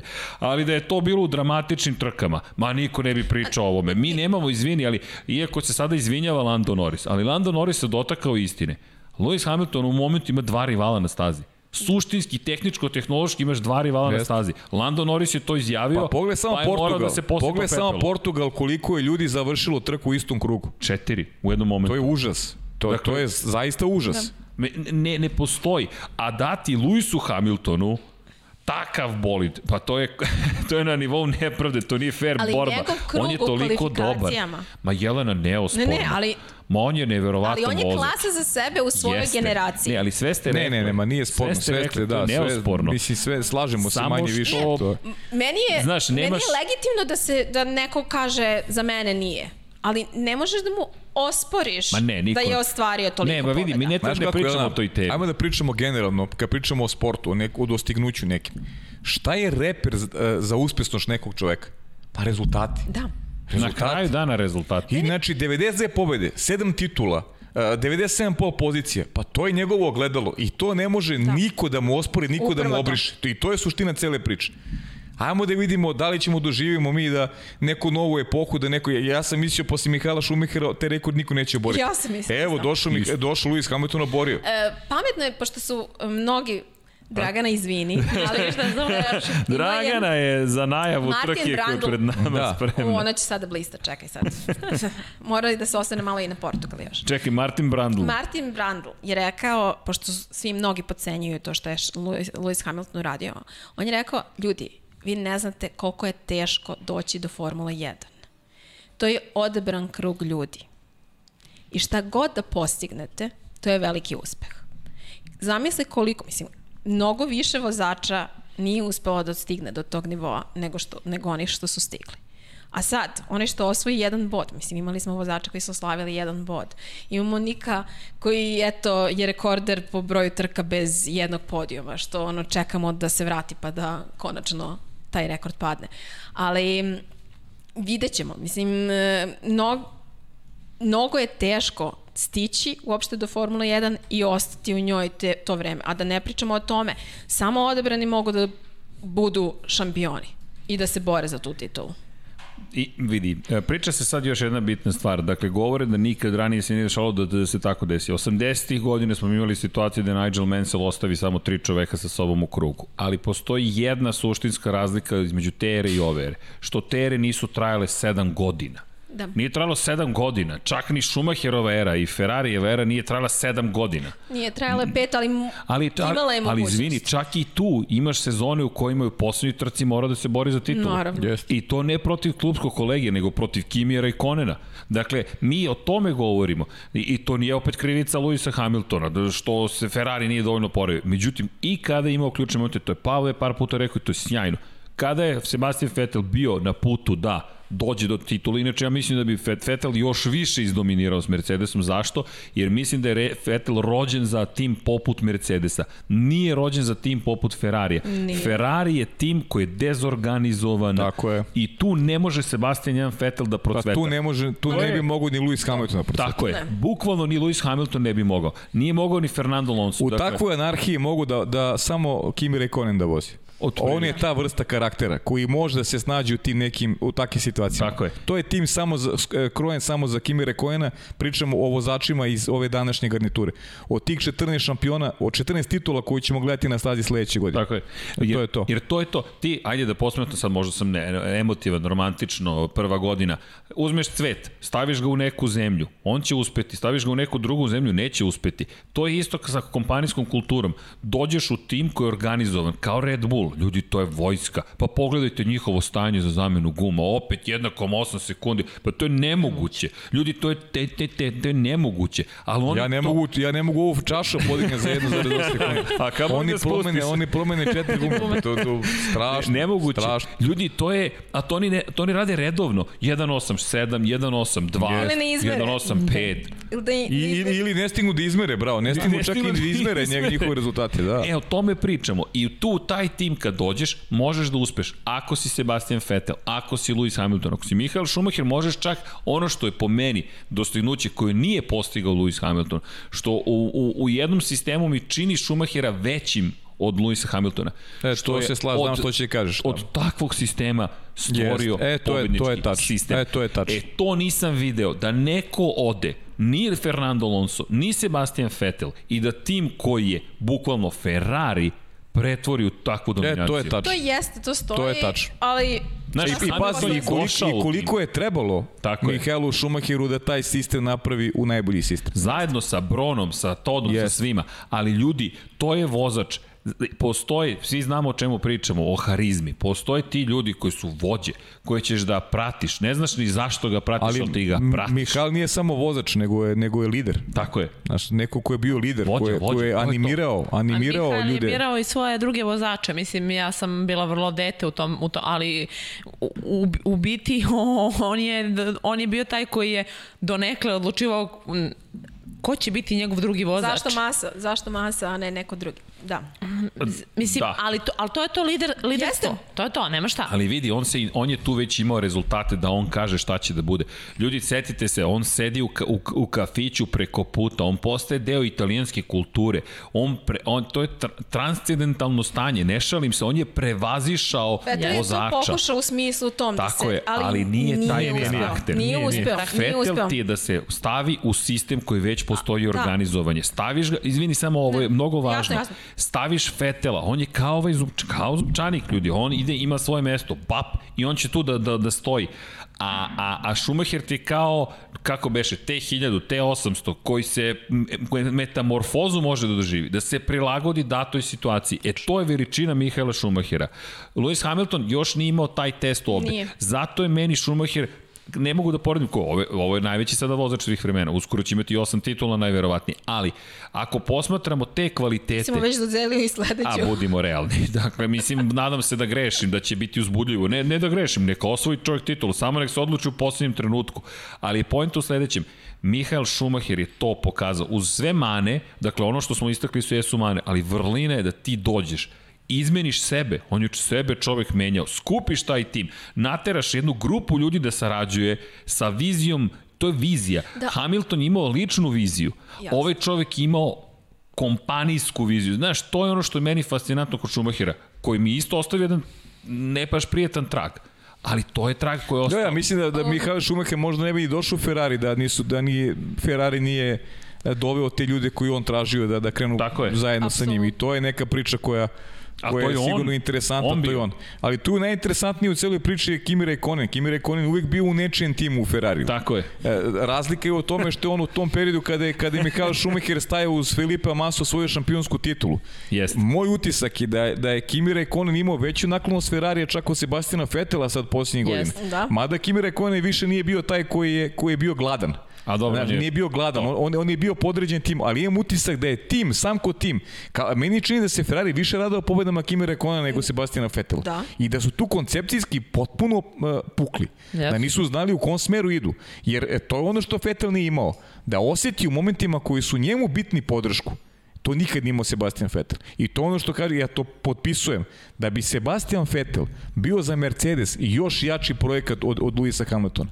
Nemačka ekipa, apsolutna podrška, to je teritorija u kojoj se on apsolutno snalazi. Tako je. Mada mu ta prva godina protiv Marka Webera nije bila jednostavna. Ni malo. On se borio, Mark Webber je imao prednost. Jeste, jeste. U posljednju trku ušao sa, sa prednošću bodovnom u odnosu na Sebastina Vetela. Jeste. Kada je Vettel to prebrodio, došao do triumfa, tada se Red Bull okrenuo njemu. Dakle, nije da Vettel nije reagovao dobro pod pritiskom. Uz, imao je Vettel sjajne momente reagovane. Mi pamtimo, uglavnom pamtimo te neke loše momente kada govorimo, a, svi ovi momci koji su sada u ovoj, ovoj, ovoj novoj eri imaju neke svoje loše momente. Zašto ja, se, zašto ja Artuna Senu izdvajam? Zato što ja, se ja ne šćem lošeg momenta Artuna Sene. Ja se ne šćem njegovih loših momenta. E, možda bude jedna loša trka, ali sledeća će biti, biti dobra. Da. A to je odlika šampiona. E, to, a to je odluka zaista, odlika zaista velikih šampiona. Samo da se osvrnemo ovo za Ferrari. Meni je e, iznenađujuće, oni su imali tu jednu kulturu koju je ih Schumacher ostavio kada je otišao. Znači, to nije sve palo u vodu 2000, k- na kraju 2016. kad se on povukao. To je ostalo i dalje tu. Taj tim je i dalje bio tu. Meni je neverovatno kako su oni lako odustali od te filozofije i vratili se onome mi smo, mi bolje znamo i angažovat ćemo italijane i onda se smenjuju jedni za drugim i gub, izgubili su svoj put. Meni je opet bilo, ok, ja razumem koliki je izazov voziti u Ferrariju, posebno kada si Sebastian Vettel. Ali on kao da kao što je Dragana rekla, on je očekivao da će sve da dođe, a kao da nije bio Da, tu i video šta se dešava Alonso. Naravno, ali on je imao podršku Kimija Raikkonena u tom Jasno. trenutku kad je došao, jer Kimi, Kimi stvarno poštoje Sebastijana Fetela kao vozača. Pošto- da. Tako da m, mislim da su se i Ki, meni je samo bilo čudno šta tu tim radi, zato što je Kimi bio podređen Fetelu i njegovim pobedama donekle, a tim nije bio po, podređen Fetelovim pobedama. Nije e, da. to, je, to, je bilo, to je meni bilo strašno u tom trenutku, ja sam tu videla fijasko. Pa meni je, meni je, Znači, meni, ja tu sam pričam, videla fijasko. Meni, meni je Monza 2018. ono kraj Ferrari. Da. Od tog momenta mi više nemamo Ferrari koji smo gledali, mi potpuno izgubljena priča i od tog momenta su oni prestali da budu ozbiljna ekipa. Dakle, Monza je bio prelivni moment i ne znam šta je Jelena izdvojila kao najbolje Luisove trke u karijeri. Za mene je Monza 2018. najbolja Luisova trka u, u karijeri. Iz, Nisam. iz moje prizme. Koje si izdvojila? E, velika nagrada Britanije 2008. To je kiša. E, da, onda e, velika nagrada Mađarske e, 2013. Zato što je tada upoznao Jelenu. Je mene upoznao u Mađarskoj 2007. A da, sedmi, izvini. Izvini, molim. Um, Kina 2011. Ok, Em, dobro. I čekaj samo sekund. Bahrein 2014. kada je imao duel sa, sa Rosbergom. Kada je pobedio kad nije bio najbrži na stazi. E, kada, e, kada nije bio najbrži na stazi, nije to, nisu A to dvo- nije, to je sledeće godine bilo. Ne, poslednja trka jeste bila dvostruki poeni. Aha, Bahrein Ali govoriš, to ne je Abu Dhabi. Abu Dhabi A, je bio. Bahrein, to je onaj čuveni duel Pa, kad su njih dvojica u četvrtoj krivini bili jedan pokraj da, drugog. i Okay. Monako prošle godine. kada je Onako trp- prošle godine. Da, kada je trpeo pritisak tokom konstantno cele trke kad su ga pozvali u boks. kada je Prošle godine, kada ga je. Verstappen napadao dva kruga pre kraja. E, da, ali konstantno je bio iza njega. Ne, ne, okej, zanimljiv mi je izbor te trke. Da. Ok. Ta, taj, Poštujem zbog toga svakako. što je Naravno, pa dobro, način na koji je mišljenja. Um, izdvojila sam još dve, a to su i Nemačka 2018. i Silverstone nove godine. Ipak moralo je da se izdvoji to što je došlo na tri točka Mhm, ovaj, da, do cilja. da, pa dobro. Mislim, e, ima mnogih, mislim, ja kažem, možda je meni omiljena ta njegova borba sa Kimijem u Spa, ali opet nije pobeda, pa onda nisam zato izdvojila. A eto vidiš, ja recimo, pošto sam navijač isključivo Ayrtona Sene, ja najviše pamtim trku koju nije pobedio. Pa, A zbog toga što je želeo da ponizi Alana Prosta i ja, ja, ja, ja sam kad, kad sam kad sam omatorio, sam shvatio šta je u stvari želeo Ayrton Senna. To je onaj Monako čuveni kad jurio Prosta za ceo krug. Ali juriš vozača koji vozi isti automobil za ceo krug. Ko je, mislim, ko je to ludilo? Da, juriš nešto što nema ni potrebe Što da nema potrebe da juriš. Ti imaš nije 50, pitanje sek potrebe, imaš to je 50 pitanje- sekundi e, prednosti. To je stav. Ti dalje juriš. To je Ron, stav. Ron Dennis ti govori stani malo, gde ćeš, stani. On ne. ne, ima, imali su a, a, sjajno. ja tu, a to mi ne, to mi ne drže njegova trka. A, a završio je zakucan u ogradi. Da. Da. Ali dobro, je srećan pa imamo od Seninih trka imamo mnoge možemo da, da izdvojimo. jeste. Dobro, Sena, da, to jeste pojnta sa Senom, ali vraćamo se na Top Gear po tom pitanju. Dakle, Top Gear koji je rekao, pojnta jeste bilo što ovaj čovjek svaki krug vozio kao da je najbrži krug i da je neophodno da budeš najbrži u tom krugu. Bukvalno. Tako je Sena vozio. Što opet u, u, u sušti suprotnosti oprosti sa današnjom Formula 1. Inače, e, ima još jedna stvar koja ja smatram da je nepravedna prema vozačima, a to je sama način na koji je Formula 1 trenutno koncipirana. Ti ne možeš od sada da voziš najbrže svaki krug. Jednostavno, bolid ti to ne dozvolja. Evo, Dragan, odmahuješ glavom. Bolid je napravljen da bude na izdržljivost. Tako je. Ti jednostavno, šta ti je rečeno? Ne, ne, ne, ne, ne, ne najbrže krugove, nego najoptimalnije krugove. Sve sad radimo optimalne brzine, optimalna ubrzanja, srednje vrednosti i sve su sada srednje vrednosti. Znači sredina i to to tako, uh, kao, to je, to je najbolje i što je sad, da kažem, formula negde gubi čar um, da prosto uh, tim može da odluči da li ti je potreban brzi krug ili ti nije potreban brzi krug. Što je tragedija, što je, što je, što je u suštoj suprotnosti sa onim što bi trebalo da, Da, bude, bude Formula 1. Tako je. Tako je. A to je se. najbrži krug za najbržim krugom. Tako je. Ajmo Imulu. Hoćemo da se dotaknemo, Pa moramo, i ne pa. da se dotaknemo, nego hoćemo da uđemo lepo sad u sledeću trku. Sad- Inače, bilo je komentara, oprosti, uh, zašto pričamo sada toliko o istoriji? Zato što je to istorija. Ljudi, vi proživljavate istoriju. Tako Za je. 12 meseci Inače, pre 12 meseci ste doživjeli istoriju, imali smo prvi Lab 76, ali Pa već za 7 dana više to neće biti priča. Tako je, A ne, neće biti priča, ali kad se vratite i kažete, ej, to je ona, ona, ona trka koja je postavio novi rekord, to je samo ta jedna Portugalija. Dok ne završi karijeru, onda ćemo pamtiti tu. Između 91. to je druge i one, koja god da bude, neće se više to spomenjati. To je da. sada već statistika. Pa kao pol ali, pozicije, što se pomera stalno. Tako je, tako je, ali sad nas čeka velika nagrada uh, Emilije Romanje. Emilija Romanje. Emilija Romanje, da. Ne San Marina. Ne San Marina, Emilija Romanje i Imola. Dragana, I to je nekako istorija, da se razumemo. Jeste. Znači sve ovo je, da kažem, istorija i ovo je istorija koja je vožena zadnji put 2006. godine. Sad, posle eto, koliko već godina unazad, ponovo uh, Imola kao staza, uh, malo drugačija nego 2006. Pre, prepravlja, prepravljena je staza uh, i dalje je vrlo brza staza. Kažu da ono što mi pričamo uh, jeste trkačka staza koja podsjeća na uličnu trku.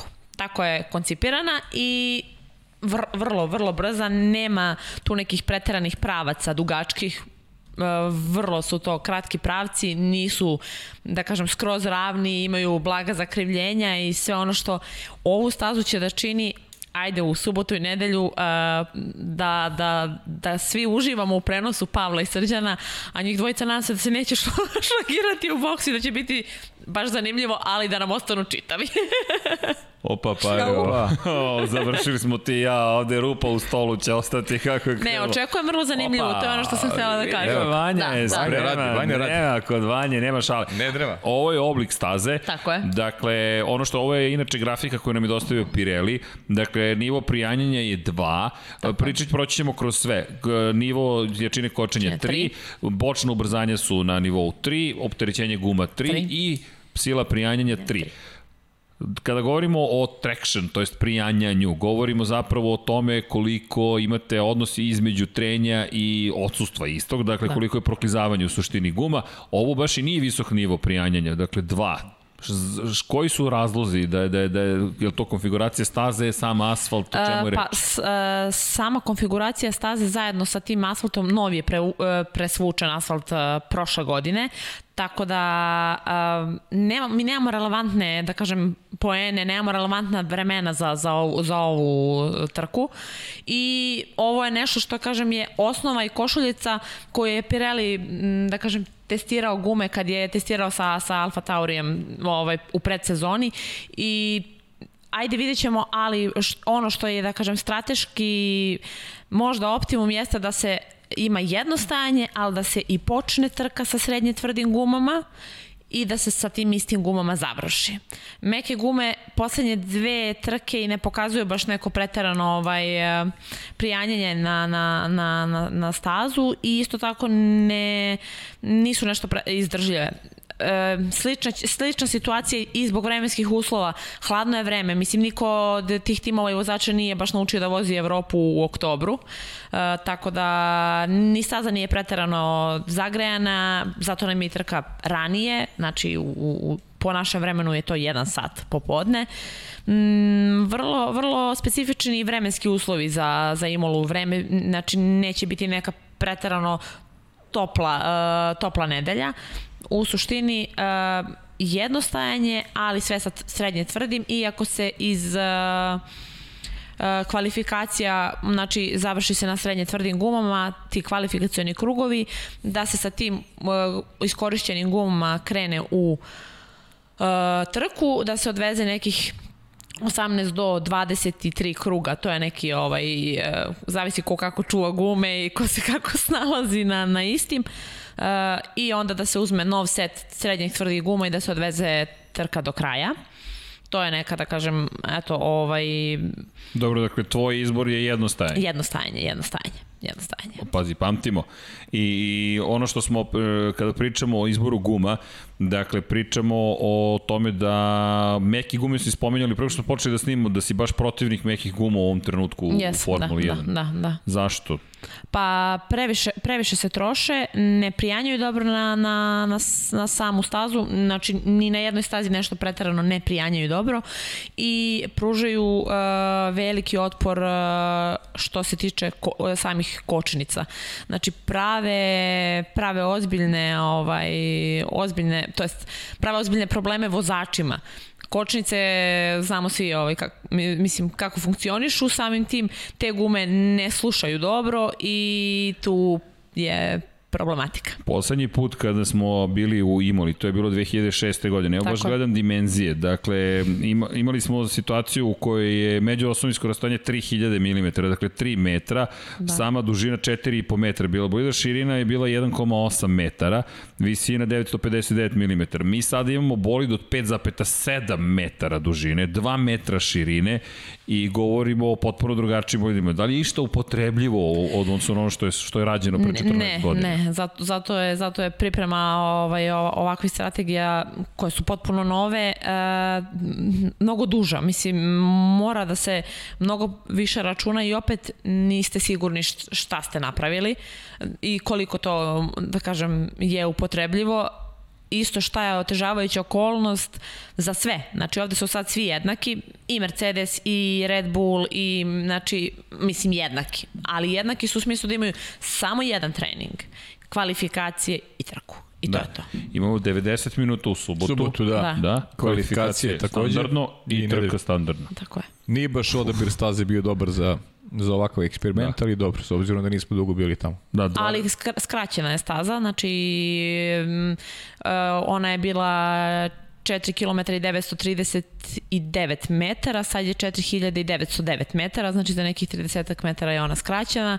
E, uravnjali su je, to jest nema te krivine broj 20 i broj 21, znači one postoje na staroj stazi, ali na novoj je više ih nema. Sad je to mini pravac, ne može baš ni pravac, ali neka blaga, blago zakrivljenje, tako da biće zanimljivo, biće brzo, biće mnogo brzo. Ja ne, ne smem da kažem što se tiče vremena, dakle ono što ja smem da kažem ne, jeste... Ne smem da garantujem da... Ovo mi je baš ovo sad, sad vidi, ali šta možemo da najavimo, dakle, kada je reč o samoj trci, dakle, Lewis Hamilton vrlo verovatno će se juriti 93. pobedu, to je gotovo... Stvarno? Iz... da. Začunjujuće. da, ali to jeste Šokirao tako. si me sad. Da, da, sad baš sam, baš sam mudar. A, da, jesi, da, ovo je ovo je bilo baš. izuzetno. Ali ima jedna druga dimenzija cijele priče koja meni mislim da je mnogo važna iz perspektive Imole, a to su emocije. Ljudi, kada govorimo o emocijama, Dakle, mi govorimo o tome da dolazimo na stazu na kojoj je poslednji put slavio Mihael Šumacher, ne, poslednji koji je pobedio ovde je bio Mihael Šumacher u Ferrari. Da. 2006. godine. Ljudi, to je godina kad oproštaja. Dakle, to je moment, to Prvog. je već ta, prvog, prvog, slažem se, kada, kada završava karijeru u Ferrariju. 2006. godina se po tome pamti i to je na domaćem terenu pobjeda Mihaela Šumahera. U, u Imoli, baš na mestu, nažalost, tragične pogibije Artuna Sene. Ima mnogo istorijskih momenta. Od toga ne može da se ne može, beži. Da. Naprotiv, mi ćemo pričati o, o Seni i tekako. Ovo je ta staza koja je oduzela Ja njegov ne znam, život. jeste bili nekad imali? Ne. Ne, ni ja. E, ja sam bila pre nego što pre velike nagrade San Marina i Riminija 2015. godine. Ja, ja taj osjećaj kada sam došla tamo, ja kao da sam bila negde izvan svog tela. Mislim, nije to ono kao nešto naprirodno, nego jednostavno taj trenutak kada dođeš tamo im, imaš osjećaj da si na posebnom mestu. Tako da svi oni znaju kolika je istorija tog mesta, tako da svi će želati da postave dobar rezultat, apsolutno. To, Da, to je I da naravno. se dokažem na takvoj stazi. Posebno u ovom trenutku, kao što je Dragana pomenula, svi su na istom. Zato što svi imaju taj jedan Manje više, trening da. da. se upoznaju sa Manje stazom. više. Da. 90 minuta samo imaš. Ono što sam, mm. pričali smo na početku o tome, o upoznavanju sa novim stazama. Jedno od onih pitanja koje sam ja voljela da postavljam vozačima kada imaju tako novu stazu u, kalendaru, bilo je za povratak, to jest Red Bull Ring, Dobro, se vratio u Formulu 1. dobro. I u MotoGP se vraćao kasnije. I pitala sam Nikija Haydena e, kako se on, da li je gledao trku tada za veliku nagradu Austrije, kako mu se čini staza i kako će on sledeće godine kada se ona bude došla u kalendar da se priprema za nju. On je rekao pa gledat ću Formulu 1 zato što ću videti gde je tačka kočenja njihova. Nije to isto. Pričala smo Dragana i ja Da, pre nije- početka snimanja. Nije ni blizu, ali to, to su baš ni- velike razlike. Nisu, ali kaže, ali svaka informacija koju možeš da dobiješ ti je važna. Tako da sam ja sigurna, pored toga što su oni vež, vežbali u simulatoru, pored toga što se tim, eto, Dragana je rekla da su se spremali dva meseca za ovu trku, samo za ovu trku, e, pored toga oni će gledati da, pri, da M, što će odraditi onu klasičnu šetnju stazom koja će drugačije izgledati nego kad idu na neku stazu koju već poznaju. Tako će gledati i neke trke automobila, pa i motora kako su bili. Pa vidi, Kako su se ponašali Kada je reč o... To je zanimljivo bilo inače za Portugaliju, izjave koje su došle iz, iz uh, Alfa Romea, Kimi koji je rekao da uopšte u simulatoru nije postojao Portimao, Giovinazzi koji je rekao da je probao Portimao i onda dobiješ jednu čud, po- povratne informacije koje su čudne, ali pre svega simulator. Mislim da će simulator odigrati najveću ulogu u suštini. Da. Koliko je moguće približiti, to je to je najpribližnije što možemo da učinimo u ovom momentu.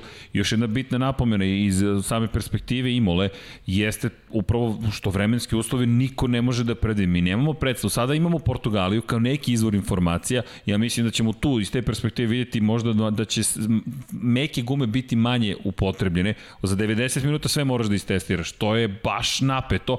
Trening, ja ne znam ni kako će da izgleda. I uzmite još jednu veliku stvar u obzir. Šta ako napraviš grešku u treningu Burena? Da. Šta ako izletiš Pa sa znam, staze? ali imali smo skoro, pro... Dobro, e, to je iz, iz percepcije nove staze. To je to. Ali imali smo skoro onaj moment kada nije bilo treninga u petak uopšte, ali dobro, ali to je Ali- opet poznata teritorija. Ali sad uzmi u obzir ovo, ti imaš jedan trening, izletiš sa staze u treningu broj 1, jednom Jeste, jedinom, jeste. nemaš rezervni bolid. Tako je. Šta Brzo ćeš? te čekaju kvalifikacije, da. Onda si u, u, u zoni Nika Hulkenberga koji je došao bez vožnje i Pa ja mislim da će se manje više tako i ponašati timovi. Ovo će biti jedna, jedna trka koja će da izazove malo i, i, i malo više preuzimanja rizika u, u tokom treninga. Ne verujem da će se baš opustiti vozači tokom treninga, upravo iz te prizme koji si naveo. Neće sedeti u boksu, nego će da idu i da istesiraju. Da, ali pazi kompromis koji moraš da napraviš. Moraš da izađeš na stazu, Tako je, a, se na mo, a optimalno. mora budeš obazriv. A moraš da budeš obazir, da ne izletiš sa staze, a da odradiš dovoljno dobro da možeš da prikupiš Jest, podatke jest. i da kažeš, ej, ja znam šta ću da radim u trci. Da ne bude situacija kao sa Strollom i Pa Verstappenom. ne, znaš kako će da bude, da. mislim, podatke će da prikupljaju Botas, uh, Kvijat i tako. O, surovo. On sumnja u E, kvijata. ali čekaj, sa, ovaj e, to ovaj vikend. e, samo jedno pitanje. E, rekla si da je Alfa Tauri testirao u predsezoni. Da. A, koliko to može da im pomogne? Pa Alfa Tauriju da. Jedini... A uslovi? A uslovi? Ne, što se tiče vremenskih uslova, ne, ali što se tiče poznavanja staze, da, svakako da da. Mislim, je, pogotovo sad Pierre Gasly koji je u, da kažem, naboju. Jedini je vozio, On- osim Kimija. I da, osim Kimija. Ja mislim da on može timu da donese dobre, ovaj, da kažem, dobre informacije sa te staze i drugi tim koji može da ima dobre, dobre informacije, jer je kooperativni tim sa Alfa Taurijem, je Red Bull. Oni razmenjuju podatke. Tako I ko je onda tvoj tip za pobedu? Max Verstappen. Sigurno. Sigur, Sigurno. Sigurno će on da, da sa, sa Hamiltonom ima ozbiljnu borbu. I moj tip je Max Verstappen isto. isto. Ja sam ispre pre prve emisije rekla kvijat. Mislim, tip za pobedu. Čekaj za pobedu. Da. Kvijat. Kvijat. Da. Kvijat, čekaj, pa čemu Ali mi ne. prisustujemo? Ništa, Šta dakle, je ovo, okej, da. Pa ne, ne, Šta ima da izgubi? Šta ima da izgubi? pa, okej, ali kako će da izvede to? Ne znam. Torpedovaće se. Da, čekaj, A, mi- bravo. ovo je najskandalozniji, da, ovo je 42. Jelena, do- studio, super, dakle, super. Slušaj, Lab e, 76. da li bi bilo zabavno da kažem da će Lewis Hamilton Pa da ne, pobedi? nije. A ne, ali kvijat, okej. Rekla bih Sainz, ali preko puta mene je Dragana, tako da ona nije tipovala ni na koga Ne, ja, ja, ja tipujem, ja tipujem na isto na Maxa, da- rekao sam to i tokom Pa ja prošle vrlo objektivno Okej. ovaj, mislim, da, mislim da Max Verstappen, apropo tih, tih nekih, da kažem, informacija koje mogu da imaju zbog uh, Alfa Taurija, je, jeste da, da on može to da iskoristi. Od uh, njegovog klubskog kolege ne očekujemo ništa, ovaj, da ga zaobiđe za jedno krug ako može Max Može Verstappen. Kimi do podijuma. A, Kimi Raikkonen? Do podijuma. Mi smo definitivno upalili pogon neverovatnoće, dakle, pošto ovo Pa sve to je zbog knjige, to je- to je zbog knjige, sve je počelo od knjige, ljudi. Kako smo dobili Ljudi, knjige, tako čitajte knjige. Malo, naš, udaljili Kad smo smo se malo. pogodili sa prognozom? Kad smo pogodili sa prognozima? Hoćemo da ponovimo kad smo ponovili prvog. Gospodin Živković koji je najavio penzionisanje Honda, dakle povlačenje i ja sam pogodio Takuma Sato, osvaja 500 milija Indianapolisa. To sam i zaboravio da mi ti nisi da. Da. podsjetila. Ja sam pogodila za Fetela u Aston Martinu, a Da. Dragana je insider i ovako onako. Tako da da, nije fair, ali Ali da, da dobro, dakle, ovo su zanimljive. Čekaj, Pavle, ja sam zbunjen, moram ti Lud priznati. vikend, pa, novi, O, pa svako nas čeka lud vikend. Pa, to, Da. Ja očekujemo da- Dragane da nam javi, ono, da nam namigne neki put, znaš, kad očekuje ono kao dobar rezultat McLaren, kao. Pa očekujem ja dobar rezultat McLarena, ne mogu da Ali kažem. podijum, podijum, ono kao.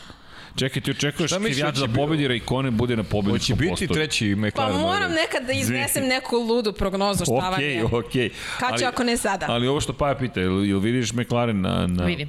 Vidim, vidim. Okej. Vidim. Sainz je zagrizao da ode iz tima kao, uh, kao vice šampion. Mislim treći u, u, u, u timu konstruktora i mislim da se sjajno rastaje sa McLarenom i hvala mu na tome evo lično, zato što sam ja veliki navijač McLarena, ovako se rastaje sa timom Da. i uh, Lando će sigurno da ga podrži, samo što je Lando mlad, to je stvarno je- jedan dečak koji je onako malo talasa gore dole gore dole, ali je konstantan. U bodovima je manje više, tako da mislim da njih dvojica stvarno mogu da dovedu McLaren do, do treće pozicije. Dobro, kada je reč o toj borbi, 126 pojena za Racing Point, 124 Jesu na... im oduteli, odus, poziciji- oduzeti bodovi? Da, da, da, da. Sa oduzetim bodovima Sa toliko? oduzetim, sa Oduzetim bodovima 126 Racing Point, McLaren 124, Renault 120. Dobro, navijamo Ja, McLaren. ja tipujem na Racing Point i jako bih volio da Renault bude taj koji je treći. A vidi, ovim majicama ne, nema, ne, nema drugog tipovanja. Da, pa mislim mi moramo prosto, ali ne, stvarno mislim Da da će na kraju, da, naravno. A mislim dobro, da će, oni, oni jesu, ali... da će ta glad koji ima Sergio Perez pre svega presuditi. Jer on je meni apsolutni junak onoga što smo gledali prošle nedelje. Jeste. A nismo se osvrnuli na Williams. Pa misliš na Serhija Pereza i na Williams. Serhio A, to Perez... sad da I na. Rasela. Pa priča se, Russell, George Russell se inače oglasio, navodno Sergio Perez bi mogao da preuzme njegovu ulogu u ekipi Williamsa, umesto Russella naredne godine da vidimo Sergio Pereza. Russell je rekao da smatra da je Perezov kamp, njegovi menadžeri i cijela grupa ljudi koji okružuje Sergio Perez zapravo širi te glasine kako bi pojačalo svoju pregovaračku poziciju nije da nema smisla takav pogled, pri čemu i ovo delo je kao odgovor Georgea Russella politički gledano. Ljudi, I, I ja ću da odgovorim, ja ću se pojaviti u medijima, jer George Russell od svih vozača ima najmanju medijsku eksponiranost, s izuzetkom vožnje virtualne Formule 1, on čovek nije toliko često u medijima i to postaje polako njegova ozbiljna slabost zapravo. Moraš da se pojavljuješ u medijima, hteo, ne hteo, nekim vozačima to ne prija, nekim vozačima to prija, ali to je nešto na što mora, o čemu moraš da vodiš računa. Što iz perspektive toga kako te percipira javnost, da li si dovoljno glasan, snažan, siguran, hrabar, kako god, što iz perspektive sponzora. Russell je jedan vrlo kulturan, kultivisan mladi čovek, međutim to sada ne sme da ga spreči u tome da se oglasi i mislim da je počeo da se polako oglašava. Pa dobro, oglašava se, ali pazi, oglasio se i Tim Williamsa koji je rekao će da, da, da će ostati i, i George Russell i Latifi. Naravno da to ne mora a priori ništa da znači. A onda je rečeno da ne može ni da potvrdi ni da demantuje Da, ali sledeći dan. evo imamo recimo, da. pojavila se informacija umeđu vremenu Ginter Steiner je rekao da Nikita Mazepi neće sigurno voziti za Haas naredne godine. Ili smemo to da potpišemo da se neće dogoditi? Ne. Ne. Pa ne možemo, potpišemo Pa i Toto Wolff čim je nije rekao zvanično, čim nije zvanično, znamo koliko novca može Dmitri Mazepin da, da, da ponudi Haasu, tako da eto postoje Pa Postoje to- te neke dileme, Alfa Romeo, Haas, Williams i pratit će, verujem, to do kraja novembra, te, te dileme će biti aktualne. Da, pa i Toto Wolff je danas nešto rekao za Rasla da će sigurno biti, da, da je rekao Rasla da će sigurno imati svoje mesto sledeće Pa sezone. to je realno Williams. Da, tako da ne vidim negde drugde da može da završi. Meni je ta interesantna tema ono što smo za Bottasa, da li će Bottas ostati u, u, A ništa, u Mercedesu. da, u Formuli 1 ništa nije, uh, da kažem, gotovo, dok stvarno ne bude gotovo, dok ne počne sledeća sezona. E, sami smo svesni da je Gasly u sred sezone dobio otkaz u, u Red Bullu i otišao, a ko, mislim, po, postoji šansa da, da Mercedes da kažem, oslobodi i to svoje drugo, drugo sedište, pa pored, e, mislim, Hamilton još uvijek nije potpisao, ali u 99,9% naravno da ostaje u, u Mercedesu, jer niko ne menja tim koji dobija. A i gde će sad? Pa, ne, mislim, sve je ludo, ova sezona je luda i imamo i koronu, sve, sve je ludo, ali ajde da kažemo da je Hamilton siguran na svojoj poziciji. Bottas jeste potpisao, ali Bottas trenutno ne pokazuje ono što mislim da Mercedes od njega očekuje. Da. Zato što dosta gubi od Maxa Verstappena. Da, Mercedes, Mercedes, mislim Mercedes to igra, vratno sa Luisom, prosto mogu i, bez obzira što je veliki šampion, mogu da ga ucenjuju i za manje pare, upravo iz tog razloga gde ćeš ti ako ne ostaneš u Mercedesu. Šta je tvoja budućnost i tu je, Mislim da to tu nije traje ta do pregovaračka, para. pa Mislim da je više do toga da oko nekih drugih aktivnosti koji, kojima bi onda se bavi van Formule 1, da malo više dobije prostora za to. Više nego, ili možda za ono, kao slično kao što je Ali- Rossi imao sa image rights i ostalo. A ima je tu još jedan veliki moment, to, jeste da si se dotakla COVID-19. Dakle, nemojmo zaboraviti da, da je ovo godina u kojoj i mi na neki način kroz Formula 1, Moto Grand Prix i druge sportove u, u pogled iz perspektive tog sveta smo malo u balonu. Dakle, poslovno gledano, svi su u ozbiljnoj krizi. Tako je. Naredne godine se smanjuju značajno budžeti. Dakle, po sili prirode, dakle, po sili zakona novog, bit će manji budžeti. Pitanje je koliko će biti, čak i Mercedes i ostali raspoloženi da daju novca više ukoliko ne moraju. Mi ne znamo kako će izgledati prodaja automobila naredne godine. Na kraju dana, bez te prodaje automobila ne postoji ni jedan od tih timova. Suštinski ne postoji. McLaren je u ozbiljnoj krizi, Ferrari će biti u krizi, pitanje je šta je i kada pogledamo motociklizam u kakvom će stanju biti ekonomija. Globalna ekonomija, to do jednog momenta može da se izdrži. Troše se zalihe, ali u jednom trenutku počinje ozbiljan problem, gde i ovo što Pavle kaže, apropo novca, možda u ranim godinama ne bi se toliko postavljalo pitanje, ali ti sada već imaš situaciju da kažeš ljudi, odakle? Jer mi na kraju moramo prodamo neke automobile. Ako mi ne prodajemo automobile ili ih niko ne kupuje, Žao mi je, ali nemamo ni dakle da vas platimo. Pa, pa upravo, a, da upravo i zaradimo. konkurencija ti diktira i tu pregovaračku moć koju Mercedes. Jesi ti veliki šampion. Hoćeš da osvojaš titulu i dalje. Pa da, ali pod našim uslovima. Nećeš da prihvatiš naše uslove. Izvoli, gde ćeš? Tako da... pa, Nije jednostavna Mercedes pozicija, Ima, Mercedes ima tu poziciju koju Jasno. može da je diktira. Lagano može da je diktira. Tako da, ko zna šta se valja iza brda, ali... Da, a, a, izvini, I, ali mada verujem da će Luis na kraju sigurno potpisati ugovor za A, Mercedes. ali da. još jedna stvar, za Bottas, Bottas više nema šta da učini, ljudi. Evo pogledajte rezultate Valterija Bottasa u poslednje četiri trke. Druga pozicija, pobeda uz najbrži krug, povlačenje iz trke uz pol poziciju i druga pozicija. Šta više može da uradi jedan vozač broj 2? Ne može ništa. Ali bukvalno više ne može ništa. A i dalje nekako deluje kao da Bottas nije tu. Dotaći ću se onog što sam rekao za Rasela. Postoje ljudi koji medijski jednostavno nisu toliko da li da, ajde da kod Bottasa kažem inspirativni, prosto Bottas ne privlači toliko pažnje.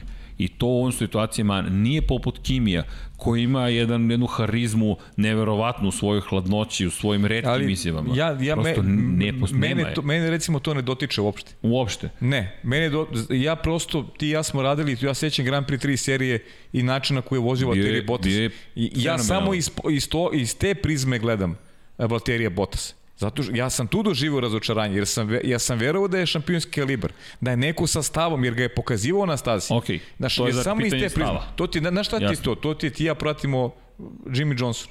Jeste. Pa ali- ili imaš ti problem sa tim što Jimmy Johnson nije eksponiran u, u američkoj javnosti? Ne. Ja nemam nikakav problem. Ne. On je jedan fantastičan vozač.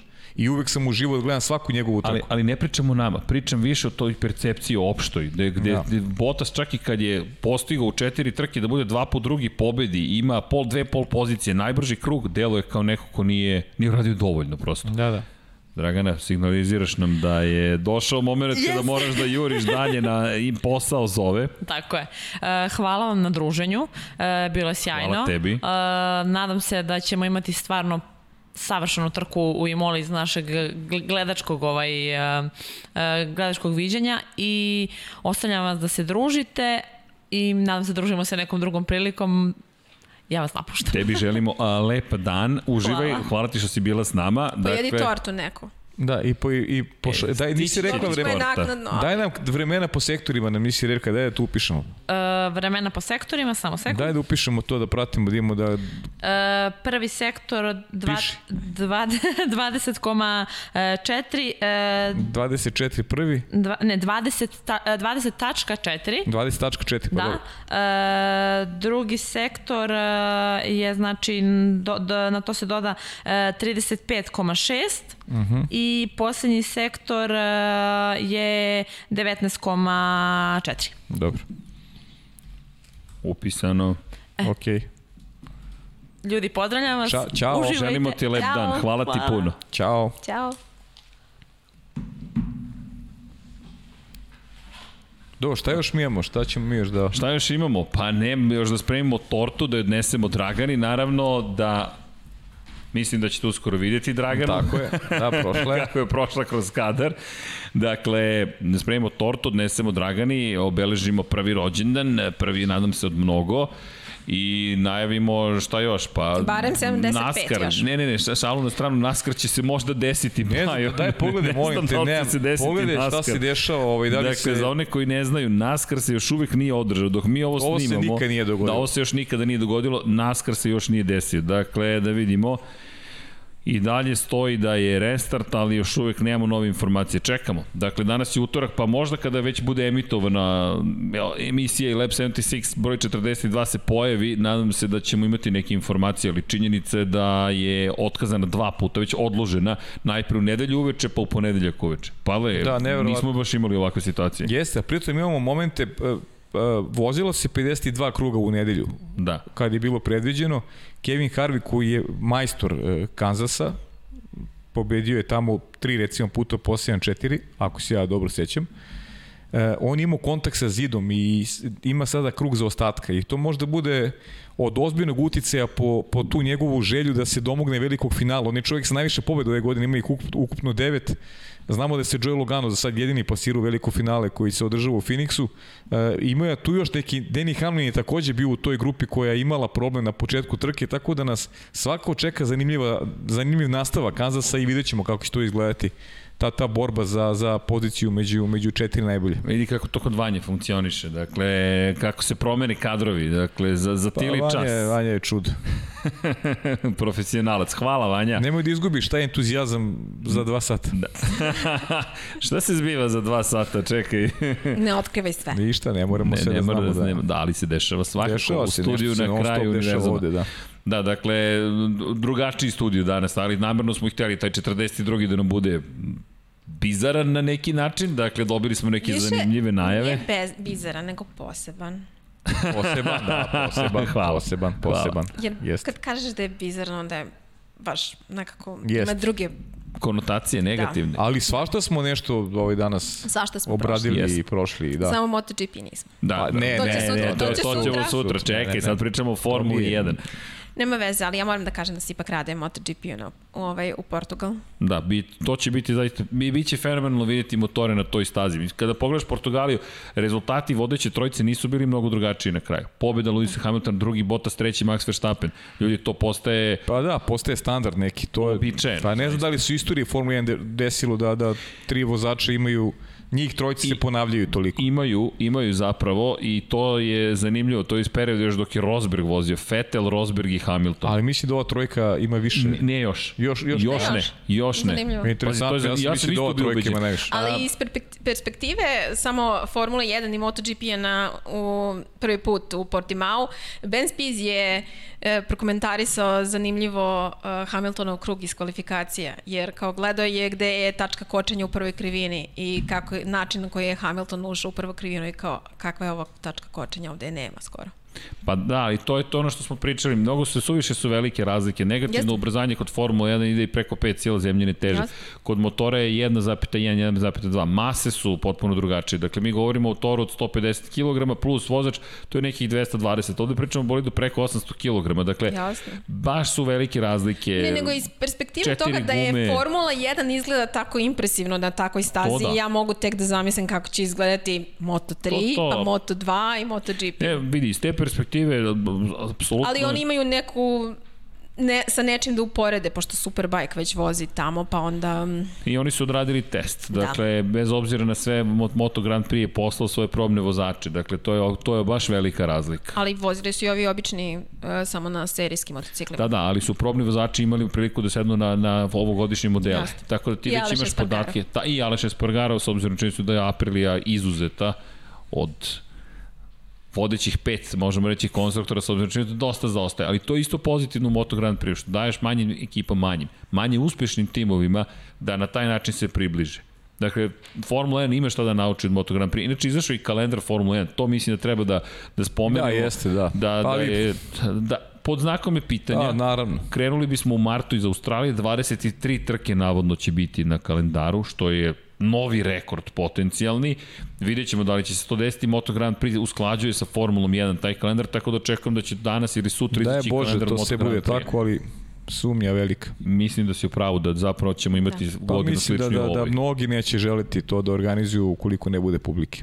To smo pričali i tokom, ja već znam i u nekim drugim sportovima da profesionalni timovi ne žele da učestvuju u takmičenjima ukoliko ne bude publika, ne mogu da prižive jednostavno. Eto, to ti je ista priča i za, ajde jedna godina, neke staze su se promovisale, pa ne, mogla da se nađe neka matematika i gimnastika neka da se stvari odrade kako treba, ali dve godine za redom bez publike, a vidimo šta se dešava sa tim sa, sa, sa koronavirusom, zaista je nezahvalno prognozirati. Da, mislim da, da, da, da zaista ako pričamo o prognozama nezahvalno, ali da postoji već dovoljno podataka, ljudi, vakcine još uvek nema. Možemo, i ovo nije širenje nekakve panike. Činjenice da nismo još uvek se približili tome da ćemo to ostaviti iza sebe COVID-19. Delo je da ćemo imati sličniju godinu ovoj koja je iza nas, ali uzmimo obzir jednu, još jednu bitnu stvar. Ovo godina je potpuni izuzetak. Da, da vidim da, da mi kažu, često sam da, da izgovaram anomalija. Da, da, da srđena anomalija. Dakle, to mi je potpis i, i, i apropo. No, činjenice, ovo je sada izuzetak, više nije izuzetak. Mi već sada imamo celu godinu praktično sa COVID-19 i narednu sezonu možemo da pripremamo u skladu sa time. Kada je reč o Moto Grand Prix, pričat ćemo više o tome sutra, deki ja, ali činjenice da Dorna planira da završi sezonu najnorm, najnormalnije, to jest bez obzira na vanrednu situaciju u Portugali i u regionu Valencije, da će se održati te trke. Tako da to negde daje nadu da će uspeti da organizuje kalendar, ali Pavle slaže se s tom, baš je veliko pitanje sada kome se to isplati, a u Portugali smo videli publiku. Jeste. Videli smo 27.500 ljudi, vidjet ćemo ih i u Imuli za vikend, nešto malo manje. Možda ih bude i manje nego što planiraju organizatori, s obzirom da u Italiji i tom regionu nije baš najsjajnija ne, situacija. Ni, pa, ni, ni malo jednostavno. U svakom slučaju budete uz nas subotu i nedelju. Verujem da nas čeka jedna dobra zabava koju smo, nadam se, dobro najavili kroz ovaj nas podcast u jednom vrlo lepom društvu danas. Pa da, danas je, bio, danas je malo drugačija emisija, nije ni klasičan podcast, nije ni na klasična emisija gde prolazimo temu po temu i rođendanska i ne samo to. Dakle, govorimo i rekordu Luisa Hamiltona koji, koji je zasenio sve ostalo. Dakle, možemo da pričamo ko je bio drugi, treći, četvrti, peti, šesti, sedmi da analiziramo. Ali imamo dve ogromne teme. I to je, zapravo tri možemo reći. Prva jeste Lewis Hamilton, postavio je novi rekord, od sada više se nećemo time toliko baviti, to je sada brojač. Odbrojavamo, brojimo, brojimo, brojimo dalje. Druga jeste da li će Red Bull i kako ostati u Formuli 1, to je zaista ogromno pitanje. I treće jeste Imola, posle 14 godina idemo u Imolu, ljudi, to je, to je samo po sebi predivno. A da ne govorim što slavimo rođendan i mislim da je vreme da odemo da počnemo da slavimo. Aj ba, ja ću malo kasnije. dakle, Ništa, kada se završi još jedno snimanje. E, pa evo, Standardno već. Standardno, da. Jeco, hvala Jeco. ti. Vidimo se ponovo. Vidimo se kad Vidimo dođe Hamilton do stote pobede. Uf. To, to znači, neće biti znači, tako za daleko. nekih meseci po dana. pa, nemamo dovoljno trka. Nemamo dovoljno trka. Šalim se, Ali nije tako daleko, to sam htio da, da kažem. Nije daleko, nije daleko. Ljudi, hvala za, hvala za sve. Inače, samo da se zahvalim publici za sve što je učinilo za nas za, u ovom kratkom periodu. Dakle, šest meseci od kada smo ušli u studio, godinu od kada smo snimili prvu emisiju, dobijamo poklone, dobijamo knjige, dobijamo dresove, dobijamo neverovatne stvari. Pre svega vaše emocije, hvala na tome. E, kada je reč o, o, o svemu ono što će se tek zbivati, pa pratite naravno naš YouTube kanal, pratite i podcaste, website stiže, evo sad kako završim emisiju, idem da se nađem sa našim brđem koji je napravio ovaj fenomenalni intro i, i, i odjevnu i najavnu špicu, da završimo website i da krenemo i da prodajemo majice. Ove kada se pojave u prodaji, te idu, dakle sve što se tu zaradi, uslovno rečeno, idu dobrotvorne svrhe, govorimo o, o borbi protiv raka dojke, kada govorimo o mesecu oktobru, dakle u roze ćemo biti bojama, niste još rekao, Movember se se, se približava, puštamo brkove u novembru, ali dobro, dobro da, okay. čisto da znaš. I o, naravno ono što je bitno, mesec svesti o Downovom sindromu, dakle pričamo stalno o ljubavi, vodite račun o sebi i jedni o drugima i naravno oni koji imaju poznaju decu ili poznaju ljudi koji imaju decu sa Downovim sindromom, pružite im podršku, to je potrebno, ta deca su zaista neverovatna. A šta da vam kažem, nadam se da će, da će studio tek biti neverovatan, evo, broj 42 iza nas, čekamo kad pročitate knjigu da pričamo o životu, univerzumu i svemu ostalom i Dom Pablo ne dozvoljava da se išta desi bez... Vanja, možeš da dođeš sekund? Možeš da dođeš, čekate nešto. Nisi ni znao da je ovo tvoja knjiga koja stoji ovde. Ovo je Vanja.